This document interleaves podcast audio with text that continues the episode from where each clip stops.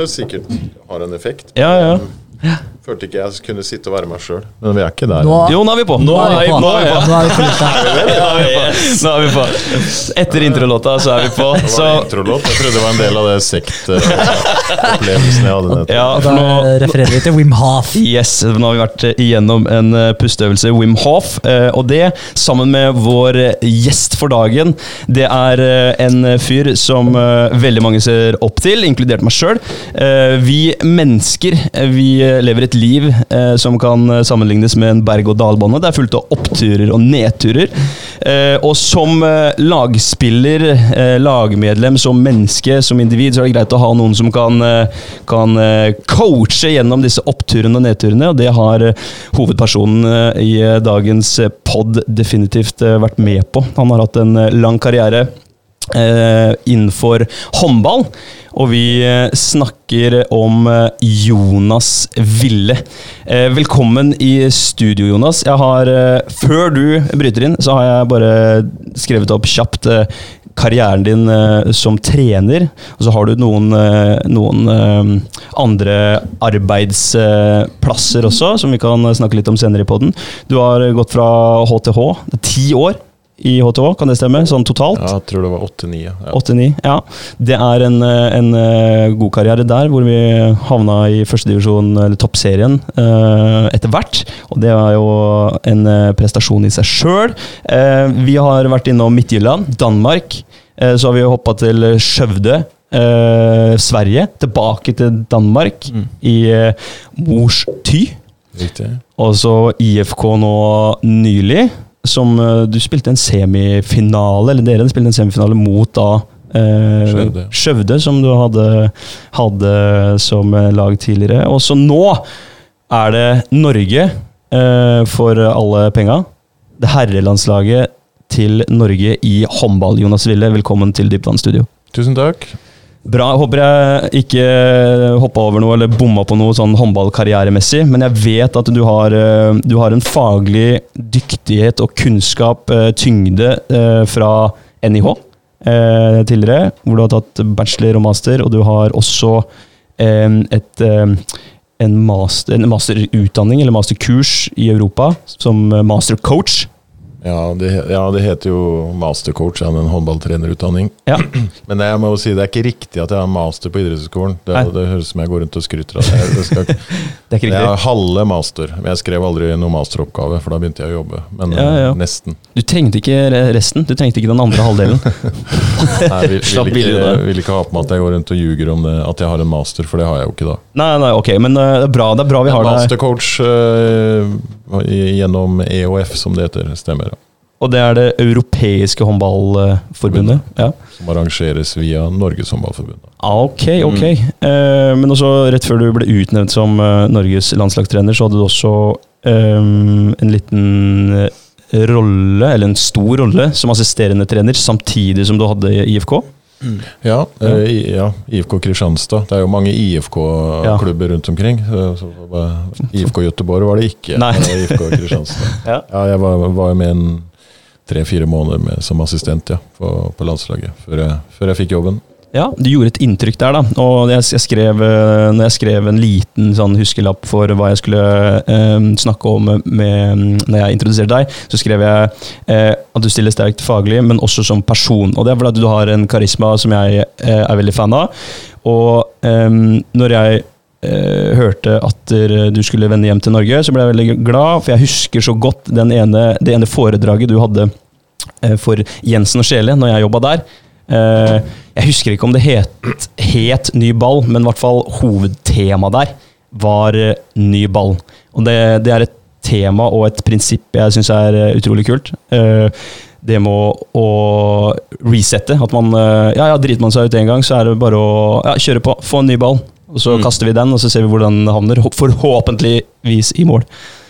Det var, hva het foredraget ditt, eller? Eh, Jeg husker ikke hva det het, eh, akkurat eh, det foredraget, men det, det jeg kjenner jo igjen Altså det nye ball, det var jo en trigger vi brukte veldig mye i HTH eh, den tida der. Som på en måte skal Ja, som handler om det med i en vinnerkultur, så, så, hjelper det ikke å sutre over det som har skjedd. Du må liksom Du kan ikke stå og klage på dommeren, du må løpe hjem og, og tenke neste ball, ny ball hele mm. tida. Så det var liksom en trigger vi hadde som sto sterkt i den kulturen. Eller står sterkt i den kulturen. Ja, det står ennå. Det virker som om du har fått implementert eh, en ganske god altså I hvert fall sånn som jeg eh, ser det utenfra. Jeg har snakka med mange av spillerne du har trent, og har trent dem et par ganger eller over en kort periode i, i, i regi av ja, egentlig dere og Spenst, eh, hvor vi hadde noen eh, seanser. Og jeg må si at den kulturen eh, den er ekstremt viktig, og så ser man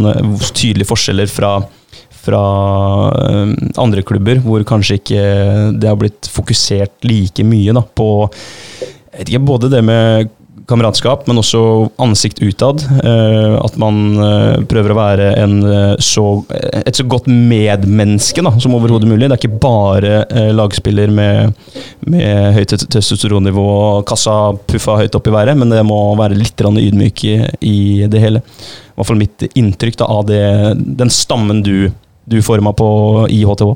Og det er hyggelig å høre, i hvert fall. For ja. det, det betyr det betydde jo mye for oss. Eller det, det, er jo viktig med begge deler, tenker jeg, i forhold til å prestere. At man, at man, eh, at man har en gruppe som er eh, harmonisk, da. Eh, og da er jo kameratskapet viktig, men det er også viktig med omdømme i forhold til hvis, hvis man skal få noen til å gidde å interessere seg for det du driver med, både sponsormessig og publikumsmessig i en, en liten by, så, så er det en fordel å fordel å ha et godt omdømme også. Ja, klart det. klart det. Folk snakker jo, og, og bedrifter har vel lyst til å, å forbinde seg med en uh, solid uh, gjeng som, uh, som, man er stolt av. Merka jo jeg var jo, Hadde jo med både leiebiler og, og salg av biler til forskjellige klubber. og det er mye enklere å være sponsor til en gjeng som liksom stiller opp og er blide og hyggelig og ikke ja, driter seg ut altfor ofte. Faktisk. Ja. Mm.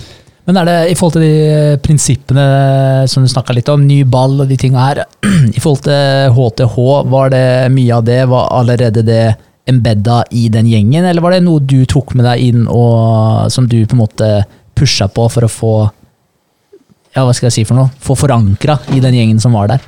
Mm, ja, nå skal ikke jeg ta æren for en, alle liksom bra ting som skjedde i, i, den gruppa, for det er jo en ting som skjer sammen med gruppa. Mm. Eh, men det var i hvert fall sånn når, vi, når, vi, når, jeg kom til Halden da, i 2009 var det vel, så, så var det jo viktig å bygge en kultur, fordi man var ikke på så veldig høyt nivå. man begynte egentlig på scratch, mer eller mindre med en ny spillerstall. Så, og den spillerstallen ble jo gradvis gjennom de åtte åra skifta ut. Så så de eh, Den kulturen ble jo på en måte bygd eh, av spillerne i en verdiprosess, og så ble det vår oppgave sammen å liksom dyrke de prinsippene som man bestemte at man skulle stå for. Mm.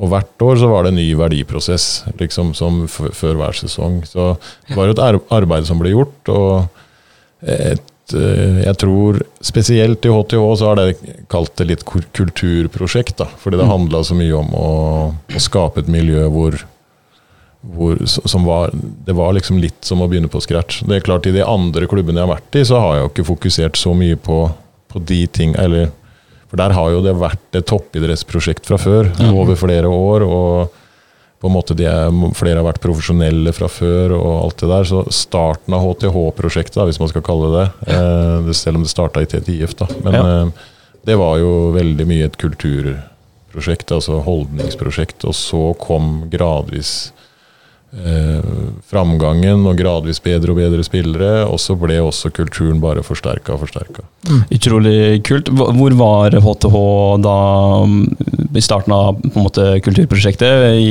divisjonene? Ja, altså når jeg kom, da hadde jo de gjort en reise med TTIF, da. Mm. Eh, hvor Lau Jacobsen, jeg vet ikke om dere husker han, men han var spillende trener. En fantastisk spiller som hadde spilt i dansk eliteserie flere år, som flytta til Fredrikstad. og Mm.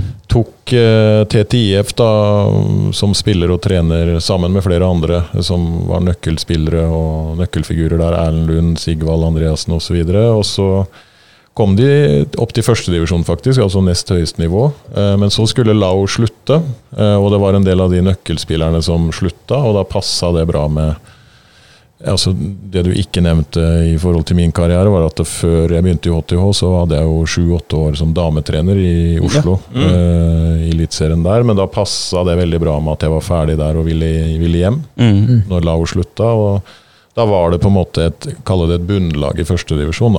Og så starta vi jo å bygge opp noe nytt. da, En ny, ny satsing da, hvor vi, vi tenkte at vi har ikke best økonomi, vi har, vi har ikke den beste geografiske beliggenheten, og vi har heller ikke den beste historikken, så vi må skape noe hva skal man si, noe som er unikt. Noe som gjør at på sikt uh, unge, ambisiøse spillere vil komme til akkurat oss. Da, for vi har ikke liksom Og det, da, da tenkte vi nå må vi trykke til litt ekstra på treningsmengde og miljø. og Oppfølging på fysisk trening og håndballtrening. Man, og, og prøve å skape et godt omdømme nasjonalt, da, sånn at vi ble eh, kjent for å være en utviklingsarena. Så sakte, men sikkert så Vi brukte vel fem år da, på å komme opp i Eliteserien. Og når vi først kom opp i Eliteserien, så gikk det ganske fort. Jeg husker andre året så var vi vel nummer fire på tabellen i serien og fikk semifinale i cup og semifinale i sluttspill. Liksom. Så da, da følte jeg liksom, da har vi kanskje dratt det, det lengste vi kan dra med den økonomien vi, vi har. da. Det er utrolig, utrolig kult. Ja, for, for før, eh, før karrieren i HTH, eller samtidig også, så har du vel hatt noen andre eh, jobber. Du har bl.a. jobba med Vang. Ja, det var de åra i Oslo når jeg jobba Ja. som dametrener der. Så var jeg sportssjef på Vang i toppidrett i Oslo. Jobba med Sarpsborg 08, eh, litt med, med Komet, og, så har du jobba litt ned på Spenst òg, og hatt uh, samme jobb som eh, jeg har, som personlig trener. Så du har jo du har du, du definitivt gjort uh, mye, og så er det jo Det er jo en sinnssykt kul uh, vei, da. Reise opp til Norges landslagssjef. Har det liksom var det noen gang en tanke om at ditt skal jeg, Hadde du satt deg et mål om at ditt skal jeg en eller annen gang? Nei, faktisk ikke. Det er veldig mange som sier til meg endelig så nå får du, får du det du har jobba for i alle år. er det mange som sier til meg, Men de sier det jo fordi de, mener det jo hyggelig. Men jeg har aldri jobba for å bli landslagstrener. Men det er jo ikke fordi jeg ikke har hatt lyst, men det er jo fordi man Det er såpass eh, Hva skal man si? eh, vanskelig å få å være eller bli landslagstrener. Det er jo kanskje i, det, I min leveperiode så har det vel vært eh, altså du ser på damesida, så har det vært Torir Hergersson og Marit Breivik i, i 30 år nesten. Ja. Altså, jeg, jeg kan hende det er 20, jeg vet ikke. Men eh, på herresida har det vært flere. Men det,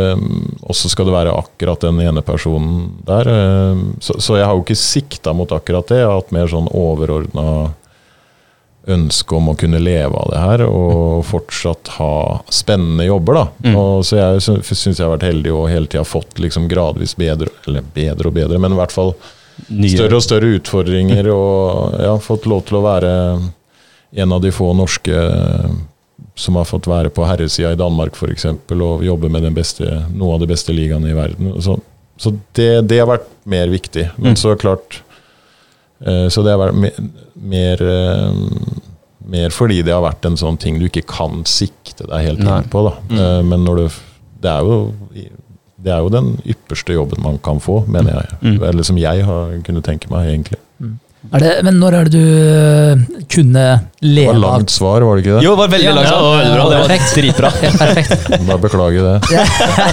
Det er de lange, utdypende svara vi vil ha, Jonas, så det er perfekt. Du Skal dypt ned eh, i dypt vann. Så det er bra. Absolutt. Eh, Men jeg tenkte på det du sier med at du har, det er det her du har hatt lyst til å drive med, det er det du har hatt lyst til å leve av. Når var det du faktisk kunne ta det steget? At du ikke trengte å ha den jobben på sida?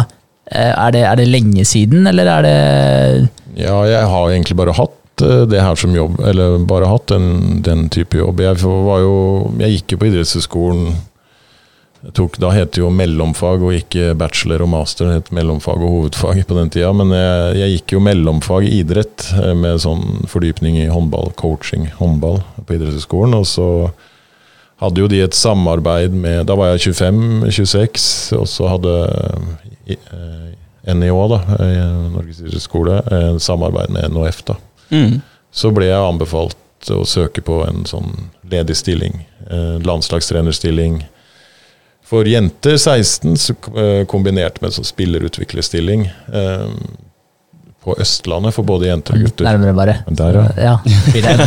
Du får kritikk av Ja. kjæresten din. Ja, ja, ja, den kommer fort. Uh, og, det var, og da fikk jeg den jobben, da. Og, det, og da, og da hoppa jeg av også studiet. Eh, og slutta å spille håndball sjøl. Da var jeg 26. Så etter det så har det liksom bare rulla på med, med jobber, da. Mm. Eh, så jeg har vært heldig og fått leve av det hele, hele tida. Så, så når du på en måte har vært personlig trener ved siden av, sånn, er det ting du har gjort eh, for moro skyld, eller har det bare, egentlig bare vært med som en del av det overordna målet ditt å bli bedre som håndballtrener, eller eh, Ja, akkurat den fysisk trenerbiten har jeg hatt med meg som en sånn supplement hele tida, og det har nok Jeg vet ikke helt Det er vanskelig å huske hvorfor det ble sånn, men eh, eh, jeg har jo hatt litt i utdannelsen min på det, og så vært eh, veldig opptatt av det i treninga og viktigheten av det i treninga, og så fått mye praktisk erfaring med det. Med å trene sjøl, men også trene andre. og så tatt noen oppdrag på si da, som et supplement, bare. Eh, og det orka man jo gjøre masse av i starten. Da, eh, men så hadde jeg en pause på det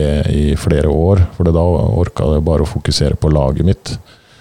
eh, Klubblaget. Og så, så før, eh, før jeg tok en runde i Sarpsborg 08, da var det litt Jeg var jo litt med i Komet når de var i Eliteserien, og, og, og så tok jeg en pause, som sagt. Og så, når Sarpsborg 08 tok kontakt, så syntes jeg det var litt spennende å teste ut hvordan da var jeg litt nysgjerrig, da, som du sier, litt for å teste ut hvordan er fotballen, som har alle de ressursene, hvordan trener dem. Så fikk jeg litt uh, mulighet til å være på innsida der, da, på topp, uh, toppnivå i fotball. Og liksom sammenligne det litt også på håndballsida. Så der hadde jeg en litt tosidig greie som litt nysgjerrighet på, på hvordan det, som håndballtrener, på hvordan det var i fotballverden. Samtidig som selvfølgelig det, det er også gøy å tilhøre litt andre miljøer. Når du går rundt og er trener, så er du jo også veldig lukka miljø. Eh, Så var det også litt spennende å være fysisk trener i et litt større miljø, da.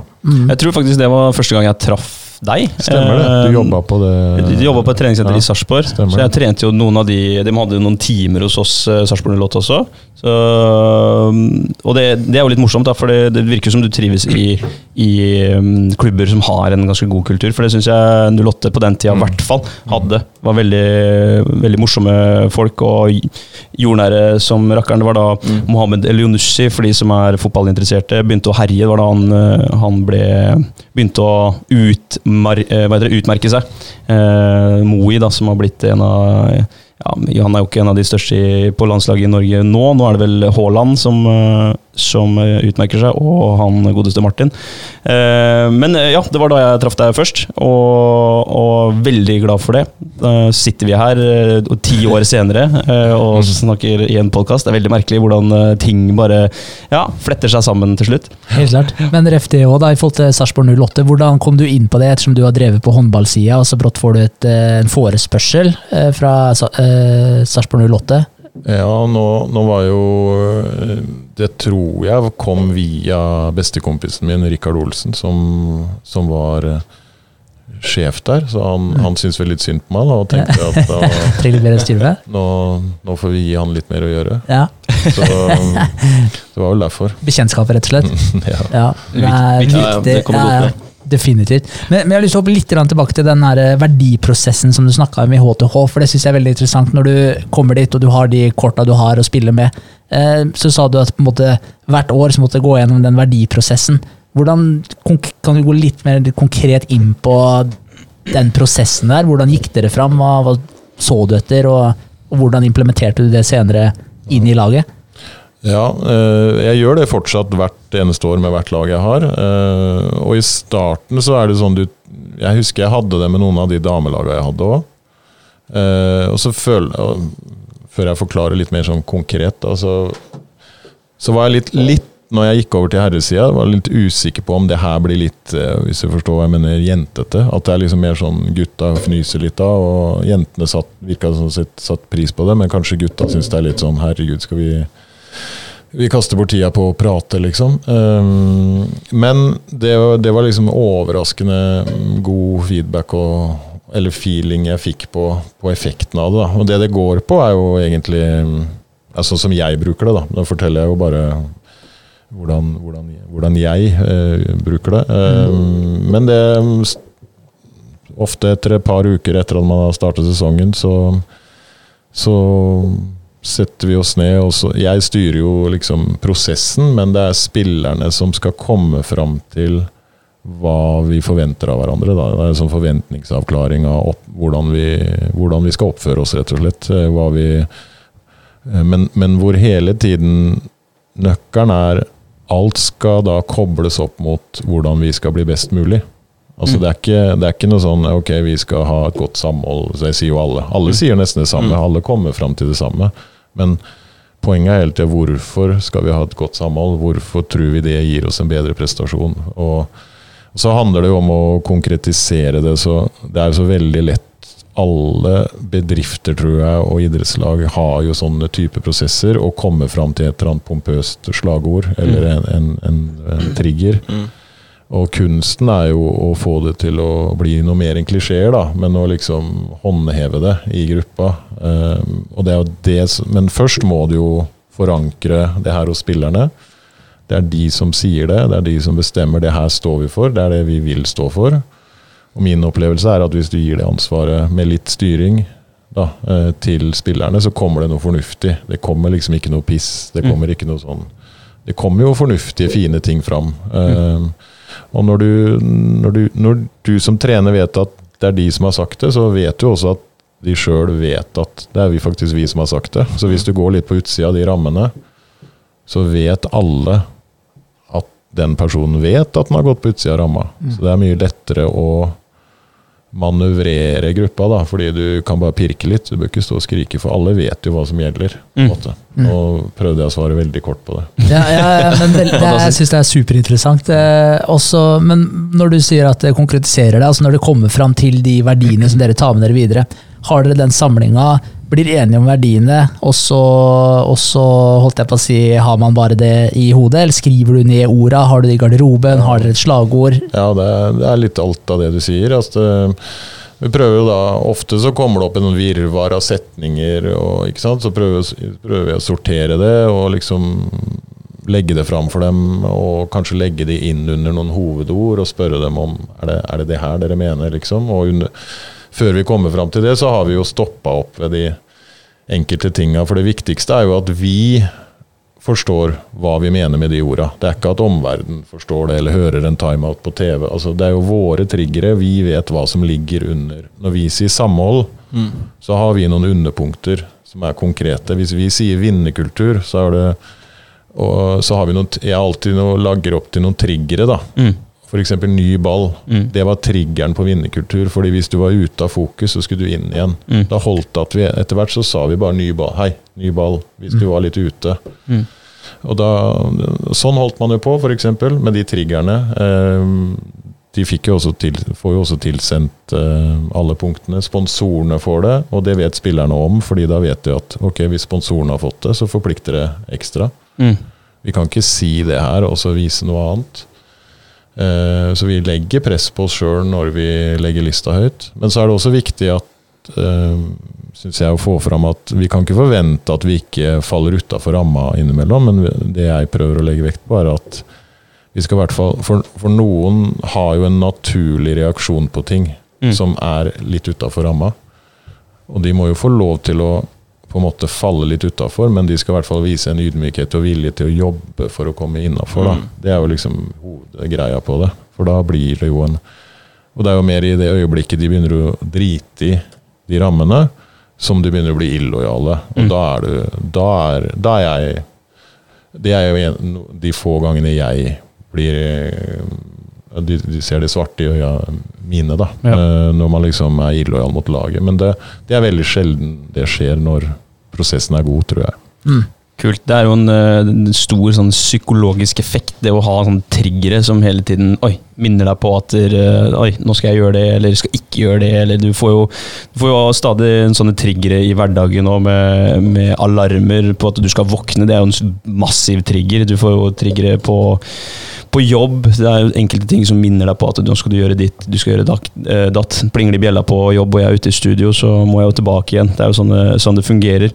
Og, og sånn som du eh, forklarer det nå, så er jo det her eh, som et vennskap eller som et partnerskap. Eh, hvis eh, man har en uenighet med, med vennen sin eller samboeren sin, så er det sånn at du Ja, vi, vi reagerer forskjellig eh, på enkelte ting, og så må man enten eh, finne ut av det, eller så må man eh, komme med et eller annet kompromiss. Man må i hvert fall snakke om det, da, og dra hverandre litt i samme kurs. Om man ikke blir helt enig, så må man jo, man må jo peile seg inn mot, mot det samme målet. Mm. Så, ja, så er det jo som sagt jo, det jeg holder på med, er jo prestasjonsgrupper. Så mm. vi, vi, samles jo Vi har det jo ikke hyggelig bare for å ha det hyggelig. Vi har det hyggelig eller hvis vi skal ha det hyggelig, da. Så er det jo igjen fordi man skal oppnå et resultat. Og, og de, hvis man skal kalle rammene eller reglene, eller hvilket ord man skal bruke på det, de, de skal jo prøve å minimere energilekkasje da, i en gruppe. Eh, og det vil jo si at eh, det kan være ganske teite regler, men poenget er F.eks. jeg så et eller annet fotballmesterskap, eh, om det var EM eller VM, hvor da tror jeg at England hadde bestemt seg for en sånn greie de skulle ha. Det, hver gang det var pause, så løp de ganske fort inn i garderoben. Mm. Alle liksom De dassa ikke inn, men de liksom Og de sprinta jo selvfølgelig ikke. Det var, ikke, det var ikke 50 meter sprint, men det var liksom sånn bestemt mm løp inni mm. garderoben. Og det tror jeg de hadde bestemt seg for, for å vise en form for ja, tydelighet, bestemthet, samhold. da. Mm. Så tenker man jo det betyr jo egentlig i seg sjøl ingenting for prestasjon, men i det øyeblikket noen begynner da å bryte det, den regelen, så blir det en energilekkasje. Så hvis du har bestemt deg for at det her skal vi gjøre, fordi nå markerer vi et eller annet, og så er det en eller to som begynner å ikke jogge, løpe fort ut der, da, så, så begynner folk å bli irriterte, og så, og så har man konflikter. Mm. Eh, så derfor, selv om det er sånn veldig sånn eh, ja, Hva skal man si teit eh, eksempel, for det har jo ingenting med hvor god du er i fotball å gjøre. Men Nei. det har noe med hvordan du vil framstå som gruppe. Da. Mm. Ja. Uh, det her med automatikk uh, vil jo redusere energilekkasje betraktelig. Også hvis man har disse triggerne som gjør at man slipper å eh, komme fram til de samme poengene hver eneste gang. At du, du, sier ett ord, så er egentlig alle sammen enige med en eneste gang. Slipper man hele tiden den der prosessen med å enten gå ut i lange avhandlinger, eller at, at folk ikke gjør det de skal. Mm. Eh, ja, det, apropos det du sa der med en, en bestemt væremåte på banen. En eh, tidligere gjest her, Travis Cornwell, fortalte meg om en, en fotballtrener, amerikansk fotballtrener fra, fra, Michigan, fra hans hjemby, som hadde én regel som var eh, Når de var på banen, eller når motstanderlaget så dem, så var det 'no hands on hips'. Og det var for å ikke vise svakhet, da, eller at man er sliten overfor de andre andres, eh, eller motstanderlaget. Mm. Det er også en sånn, litt sånn psykologisk effekt overfor de, men også deg sjøl. For hvis du står og lener deg over og puster og peser og eh, ikke vet helt hvor du skal gjøre av deg, så forteller du også deg sjøl at du er dritsliten og kanskje ikke kommer til å klare å utkonkurrere motstanderlaget. da. Mm. Så, ja, litt av det, litt av samme greiene. Ja. ja. Men er det de der eh, sakene her da, som du eh, implementerer i laga, har du flere sånne ting som du tar med deg til alle laga, som du mener at det her fungerer? Eller ser du an i forhold til laget, så si landslaget nå, da, eh, når du skal nå gå i gang for fullt der? Eh, fordi det er sommerferie du har nå, eh, og da starter det for fullt nå i løpet av august, eller? Ja, eller første samling jeg har med dem, er jo i oktober. oktober eh, ja. Og er, da går vi rett i kvalik for neste mesterskap. Okay, ja. så, så, det blir jo Det er jo forskjellen på klubblag og landslag, at du får jo ekstremt liten tid, så du må være veldig veldig selektiv da, på hva du bruker tid på. Eh, og neste samlingen er jo, er jo mesterskap, så, så liksom du, det blir en utvelgelse av hva skal du trykke inn på de få dagene du har. da. Mm. Men, men, jeg tror sånn, i forhold til spørsmålet ditt, så tror jeg jo at alle grupper må ha en eller annen form for verdiprosess. Eh, og så er det jo en sterk kultur i den gruppa fra før, men jeg tror det Det var jo en av de tinga i HTH. Det var én sesong, jeg tror det var sesong fem eller seks eller noe sånt, som, som vi hadde bare bytta ut én eller to spillere fra én sesong til neste. Og da tenkte jeg nå dropper jeg den verdiprosessen. For nå, nå føler jeg at det er så tydelig, og er, og begynner, og så tenkte jeg at de er kanskje litt lei av å høre på de greiene. Um, og så, så gjorde jeg ikke den verdiprosessen. Um, og etter For det var bare én eller to nye spillere. Og da etter en måned eller to så kom en av spillerne bort til meg og sa jeg tror vi, jeg tror vi trenger å gå gjennom ting igjen. Fordi nå begynner, å, nå begynner folk å slurve litt. Mm. Og det husker jeg, da ble jeg nesten litt glad, fordi da fikk jeg en sånn bekreftelse på at det er ikke bare sånn Hva skal man si sånn Overfladisk. piss som jeg har i huet. Som Mm. et, da, det jeg merker, det, da, da er det faktisk verdifullt for spillerne. Da. Mm. Det, eh, så det var, og så da tok vi en ny runde, da. Og da tok jeg kanskje ikke en like, omsten, like dyp prosess som du har med en litt nyere gruppe, men en liten sånn refresh, da. Og det er jo litt sånn man må gjøre med landslag og ikke gå eh, Hva skal man si Man kan ikke bruke for mye tid på ting, da, men man må likevel tydeliggjøre, tenker jeg. Mm. Ja, for mange, hvor mange treninger får du før første kvalikkamp når dere er eh, Jeg sammen? kan, nå har jeg ikke satt opp programmet, men tre-fire, tenker jeg. Ikke sant? Så, men sånn er det jo. Men, eh, og, men hel, der har jeg en fordel med å ha vært med som assistent. fordi nå vet jeg jo hva For det første så var jeg jo med på å endre forsvarsspillet litt allerede fra november, så det, det har jeg jo liksom allerede starta på. Mm. Og så var jeg jo med eller liksom, inns, Fikk jo innsikt i hva de jobba med angrepsmessig, så det er jo viktig å beholde eh, Mm. essensen i det som er, og ikke drive og endre så mye. Men det, og det var jo noe du spurte om, og hvor mye tar det med inn? og jeg, Nå snakker vi jo mye om kultur, men jeg tror jo for å lykkes i lagidrett, så er jo det aller viktigste er jo å ha et tydelig konsept, spillkonsept. Eh, at man heller ikke skal overdrive fokus på altså for kameratskap, samhold og alt det der. Det kan jo få maks ut av potensialet ditt. Mm. Men hvis du ikke har et spillkonsept som er tydelig, så, så hjelper det ikke om du går rundt og har veldig bra innsats. Eller, altså det hjelper, men du kommer ikke det siste, siste steget. Så det er den miksen av de to tinga. Så, Men det spillkonseptet må du alltid tilpasse, mener jeg, da, spillertypene du har. Mm. Mm. Så, så, så det spillkonseptet som du eh, holdt jeg på å si, skal være med å eh, implementere nå på landslaget, eh, ser du da på hvordan de har spilt tidligere, og så tilpasser du deg da litt etter det? Ja, både òg. Fordi Ja. mm, sånn er det alltid i klubblag, og, og spesielt nå i landslag hvor du har enda mindre tid. så er det og heldigvis så er jo Christian Berge som har hatt dem før, og jeg, vi har jo snakka mye om det fra før, så det er jo veldig mye, vi har jo veldig mye like prinsipper, så det er jo ikke mye nytt sånn sett. Men uansett så hadde det vært smart å beholde mye, sånn at man ikke går inn og endrer alt. Mm. eh, For det har man ikke tid til. Eh, Men eh, det blir en miks, da, fordi no, noe tar du fra det som er. Og så har du kanskje noe du tilfører, og så er det kanskje noe som er tilpassa. Det er kanskje noen som spiller sånn som Sagosen og Reinkind spiller jo sammen i Kiel, man kan kanskje hente noe derfra. Så er det noen som spiller sammen i Flensburg, og etter hvert så er det, altså det er mange som spiller sammen i Elverum. Så man kan ta ut elementer hos spillerne og gjøre det. For du må bruke minst mulig energi på Mm. For ting skal jo bli, som du sa, automatikk og ryggmargsreflekser ute på banen. Mm. Og da, da skal du bruke minst mulig tid på å tenke. Mm. Mm. Kult. Så, så du går egentlig inn og ser på hva disse spillerne, hvordan de presterer, og hvordan filosofi de har innad i klubblagene sine, og så prøver du å integrere det.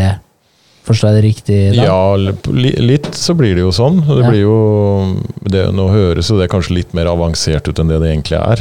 Men eh, det er jo veldig mye spill som er likt rundt omkring, men du du på en måte justerer kanskje altså Jeg tror det er bare viktigst å ha en intensjon med hvert spill veldig tydelig, sånn at spillerne vet intensjonen med hvert system og med hver oppgave. Altså, det er liksom viktigere enn sjølve systemet. Um, eh, det er i hvert fall sånn jeg tenker, at hvis, hvis det er en tydelighet i hva som er min rolle i det konkrete systemet, enten det er angrep, forsvar, eller om det er noe som heter rundgang eller jugge, men jeg vet det her er min oppgave nå, det er intensjonen med spillet er å få den spilleren fram, eller hvis det er tydelig, eh, og du får litt reps på det, så både ved hjelp av video og i praksis, så er det jo lettere å, um, å få den ryggmargsrefleksen. Og det, det Utgangspunktet er ganske likt eh, i de fleste klubber. Mm. Mm. Eh, Når du skal sette sammen uh, laget nå, eller sette sammen spill og system og, og sånt, og så har du jo litt kjennskap til det fra før av, men uh, skal du eh, drafte eller plukke ut uh, spillere på nytt? Uh, noen er sikkert selvskrevne og, og sånt, men det, skal du gjennom en prosess nå i, i august, da, før uh, samling? Ja, altså Sesongene starter jo slutten av august, starten av september, så det blir jo en reise rundt i norske klubber og utenlandsklubber liksom i den fasen der, for å plukke ut den første troppen. Så Mm. er det jo Det er jo litt av greia nå, at alle starter jo litt med blanke ark, på Mm. en måte. Um, så er det selvfølgelig mange av de som har vært med, som kommer til å bli med, men Mm. det er jo litt sånn du, må jo liksom kjenne på det sjøl òg. Hvordan, hvordan responderer folk nå på, på litt nye ting, eller et nytt regime, da, for å Mm. kalle det det. Um, og så, så jeg vet jo ikke nå, her jeg, her jeg sitter nå, hvor mange av de som har vært med nå, som blir med til neste. Det er jo det som blir spennende å se. Mm, tar du en prat med, med, med de først, eller bare kaller du de inn, og så får du ja eller nei fra de? eh, Jeg tror ikke noen sier nei. Nei. Eh, Nei takk, det blir for mye for meg, ass. Proffspiller.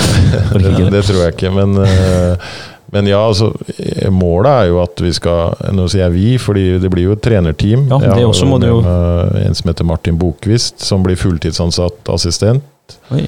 Eh, Så vi to, først og fremst, da, sammen med Steinar Ege, som er målvaktstrener, er jo de som, som gjør liksom seleksjonen, da. Mm. det. Eh, Og vi, vi kommer til å følge opp et visst antall spillere, så mellom 40 til 50 spillere i større eller mindre grad, som på en måte vi håper å kommunisere med uh, underveis, da. Men, men det er ingen som får spørsmål vil du være med. Blir Men det kan, eh, det kan jo være noen man ringer som man vet, ikk- eh, vet kanskje ligger i vannskorma, som blir veldig skuffa som ikke får være med. At Mm. man prioriterer å ringe, ringe de, som- de, da. Det Mm. blir jo det viktigste. Ellers så får man jo en hyggelig beskjed. Ja, du har blitt plukka ut, ja. Men noen er skada og litt sånt. Ja, de- det, er, ja. det er jo ting bank i bordet, men eh, ja, Ja. tre ganger. Ja. Eh, som, ja, den, den er jo dynamisk, den eh, skadesituasjonen. Den kan jo være veldig positiv i det ene øyeblikket, og dagen etter så ser det dårlig ut. Så. Mm. Det er sånn det er i alle idretter, Mm. spesielt lagidretter, og når det er flere, flere spillere med. Eh, hvor, hvor lang kontrakt er det du har fått nå på, på landslaget? Fire? Fire år, ja. Fire år. Hva, hva, har du, hva er på en måte målet ditt? Er det gull? Et verdensmesterskap? Er det det som på en måte er det ultimate målet, eller? eh, Ja, øh, ja, altså det er jo drømmen til det landslaget der. Det er jo det det mangler. Eh, Det har jo to sølv. Mm. Uh, og jeg har jo selvfølgelig et, Det hadde vært kjempemorsomt å være den første som, som får det gullet, selvfølgelig. Eh, samtidig er man jo litt realist uh, i forhold til at vi har foreløpig ikke den bredden som gjør at vi kan kreve et gull. Eh, men med alle spillere tilgjengelig og et veldig bra mesterskap, så kan vi også ta gull. Mm. Uh, mens det er noen andre nasjoner som har såpass stor bredde at man kan si at de liksom alltid skal være med i semifinaler og fighte om gullet. Vi er kanskje outsidere til det, da. Mm. Uh, men så målet er jo å bli et stabilt semifinalelag, for da har du jo også alltid muligheten til gull, på en måte. Men drøm, det er jo en drøm om å få, få, få ta det første gullet. Ja.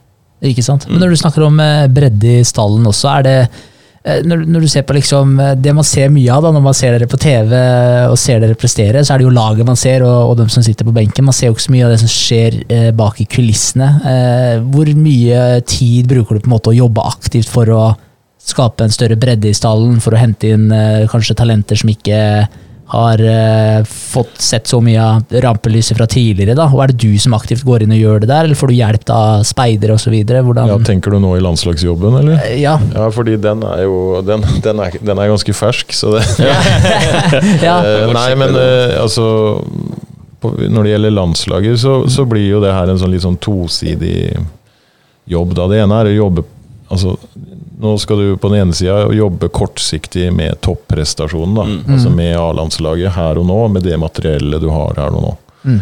Og, og i prinsippet så er jo alle, alle herrespillere i Norge, Norge norske herrespillere rekrutteringa vår, Mm. på en måte. Mm. Eh, Så den stallen er jo ganske stor. Eh, Men det har jo vist seg, når man sammenligner med de aller aller beste, at vi er litt etter på bredde. Altså Vi er litt mer sårbare for, for skader osv. Og, så videre, Mm. og for bytter. Men det har kommet seg litt, men vi må fortsatt eh, skape flere toppspillere. da. Mm. Og den prosessen tar jo tid. Så det er jo en pra prosess som går parallelt. Og der har jeg jo blant vi eh, annet ansatt en, en danske som er eh, kjent for å være kanskje den beste i verden på å lage liksom, strategier for talentutvikling. og som heter Klaus Dalgaard Hansen, eh, som har jobba som talentsjef i det danske håndballforbundet i mange år og vært med på å utvikle mange av de danske toppspillerne, eh, som nå blir fulltidsansatte hos oss, for å legge fokus på det eh, land, yngre landslaga og det regionale arbeidet, sånn at man når fram lokalt med på en måte våre ideer. da. Mm. Det, sånn at man kanskje kan dra gevinst av den her Den strategien om mellom fem til ti år, da. Mm. Ikke sant? Så det er jo den parallelle prosessen som går eh, samtidig med det topprosjektet med å trene herrelandslaget, da. Ikke sant? Mm. Hvis det ga mening. Men, eh, Absolutt.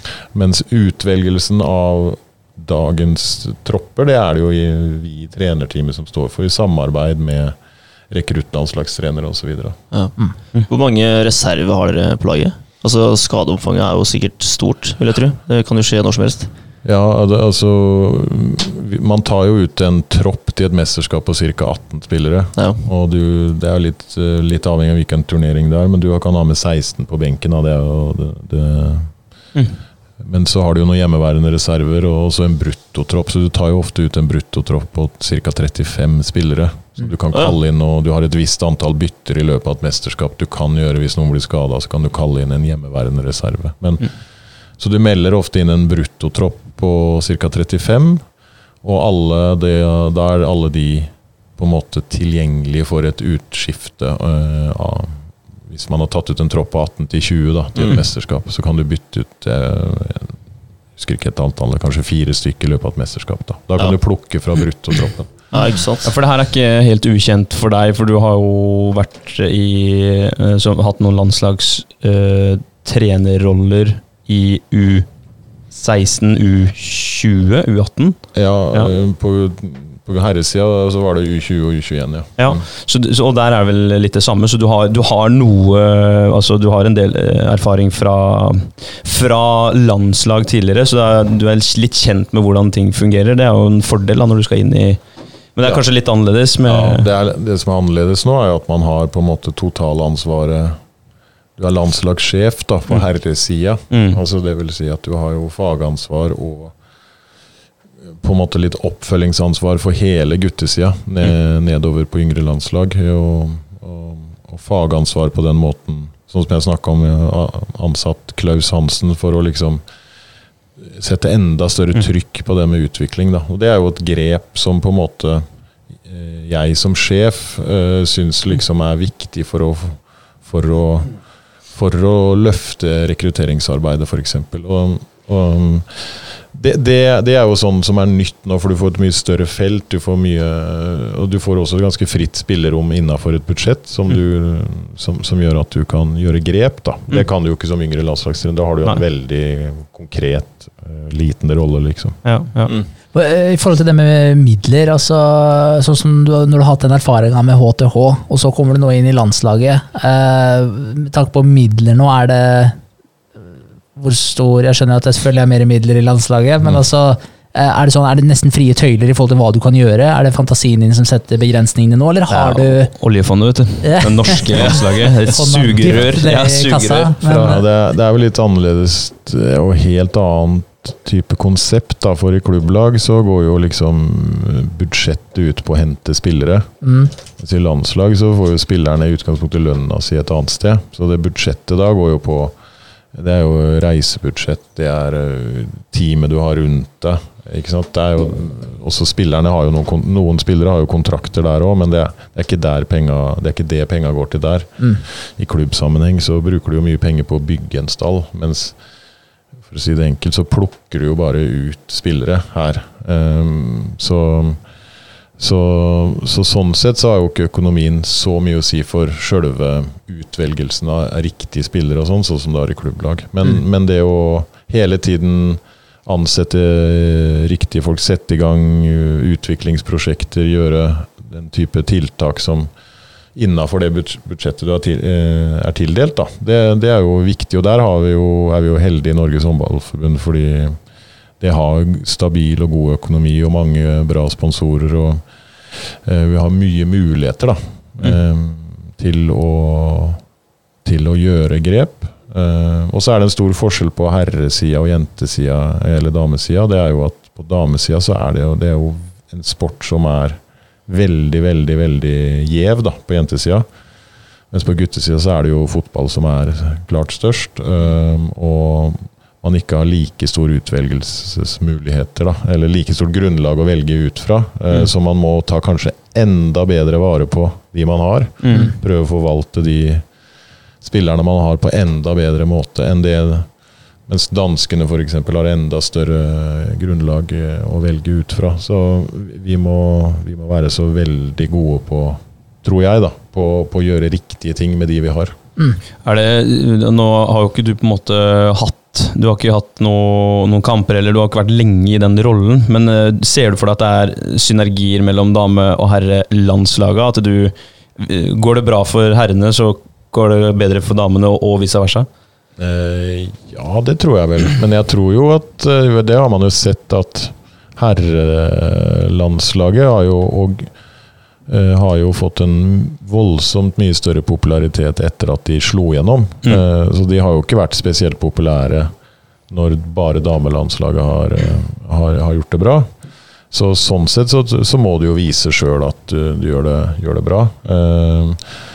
Men, men og, og du har også sett at uh, det har blitt en økt gutterekruttering når herrelandslaget har gjort det bra. Så det, Mm. det, så jeg, det er vanskelig for meg å svare på, men jeg tror ikke det er sånn voldsom gutterekruttering av at damelandslaget gjør det bra. Kanskje noe. Mm. Men, så jeg, men, eh, men det er i hvert fall jeg tror I forhold til synergier så tror jeg i hvert fall at det er veldig viktig for meg da, Mm. å se og, og, og snakke mye med Torir Hergarsson f.eks.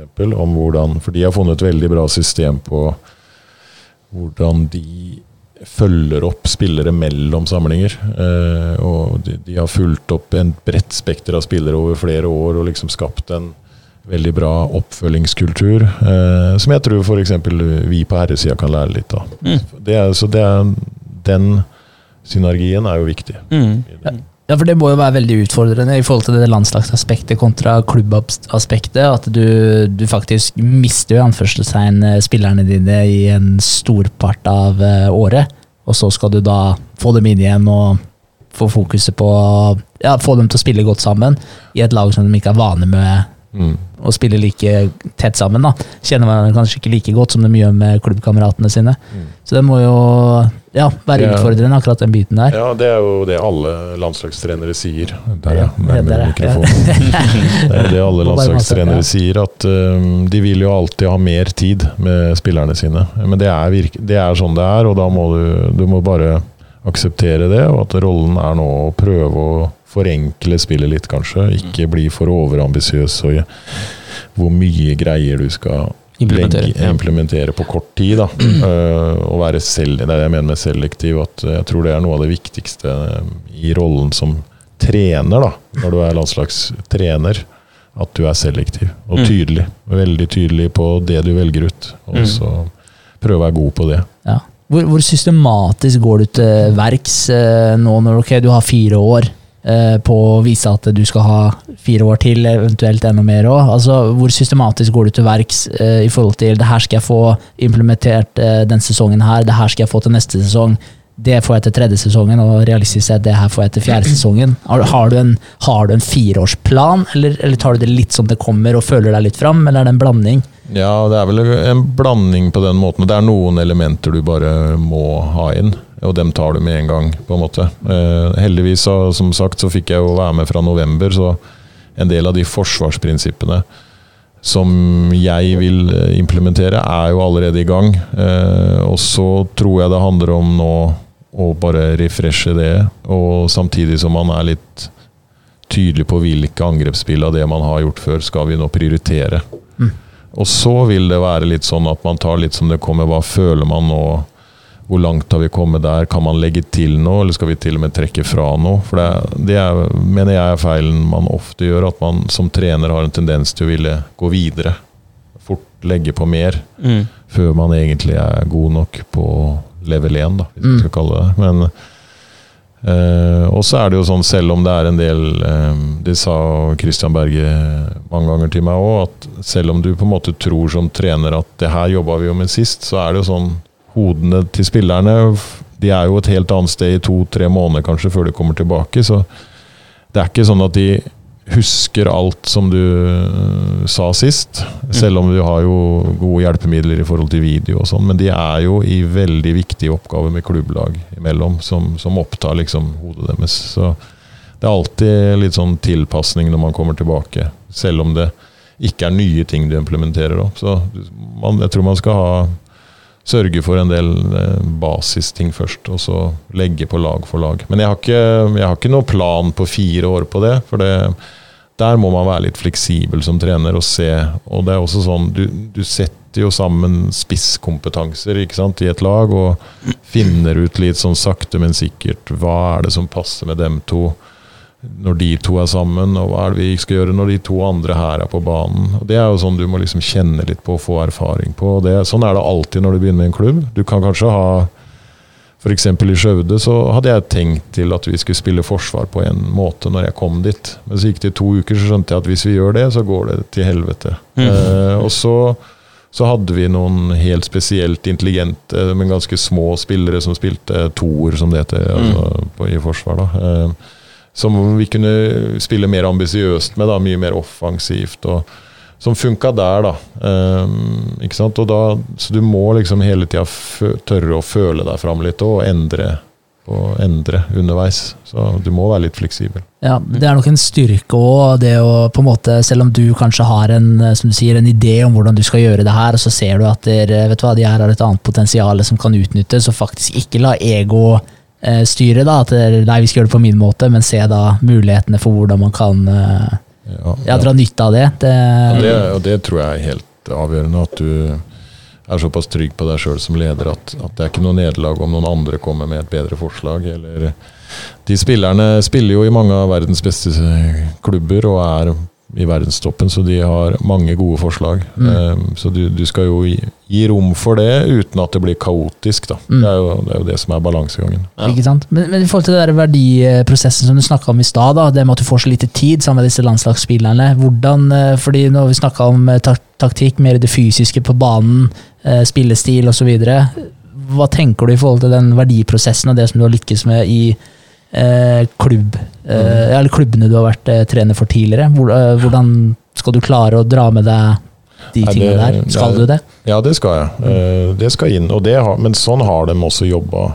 Eh, jeg vet jo ikke akkurat hvordan de har jobba med det, men de har jo f.eks. hatt et slagord som heter Ubuntu. Som de har sagt i hver timeout, og hatt et eh, håndkle i garderoben som det står Ubuntu på.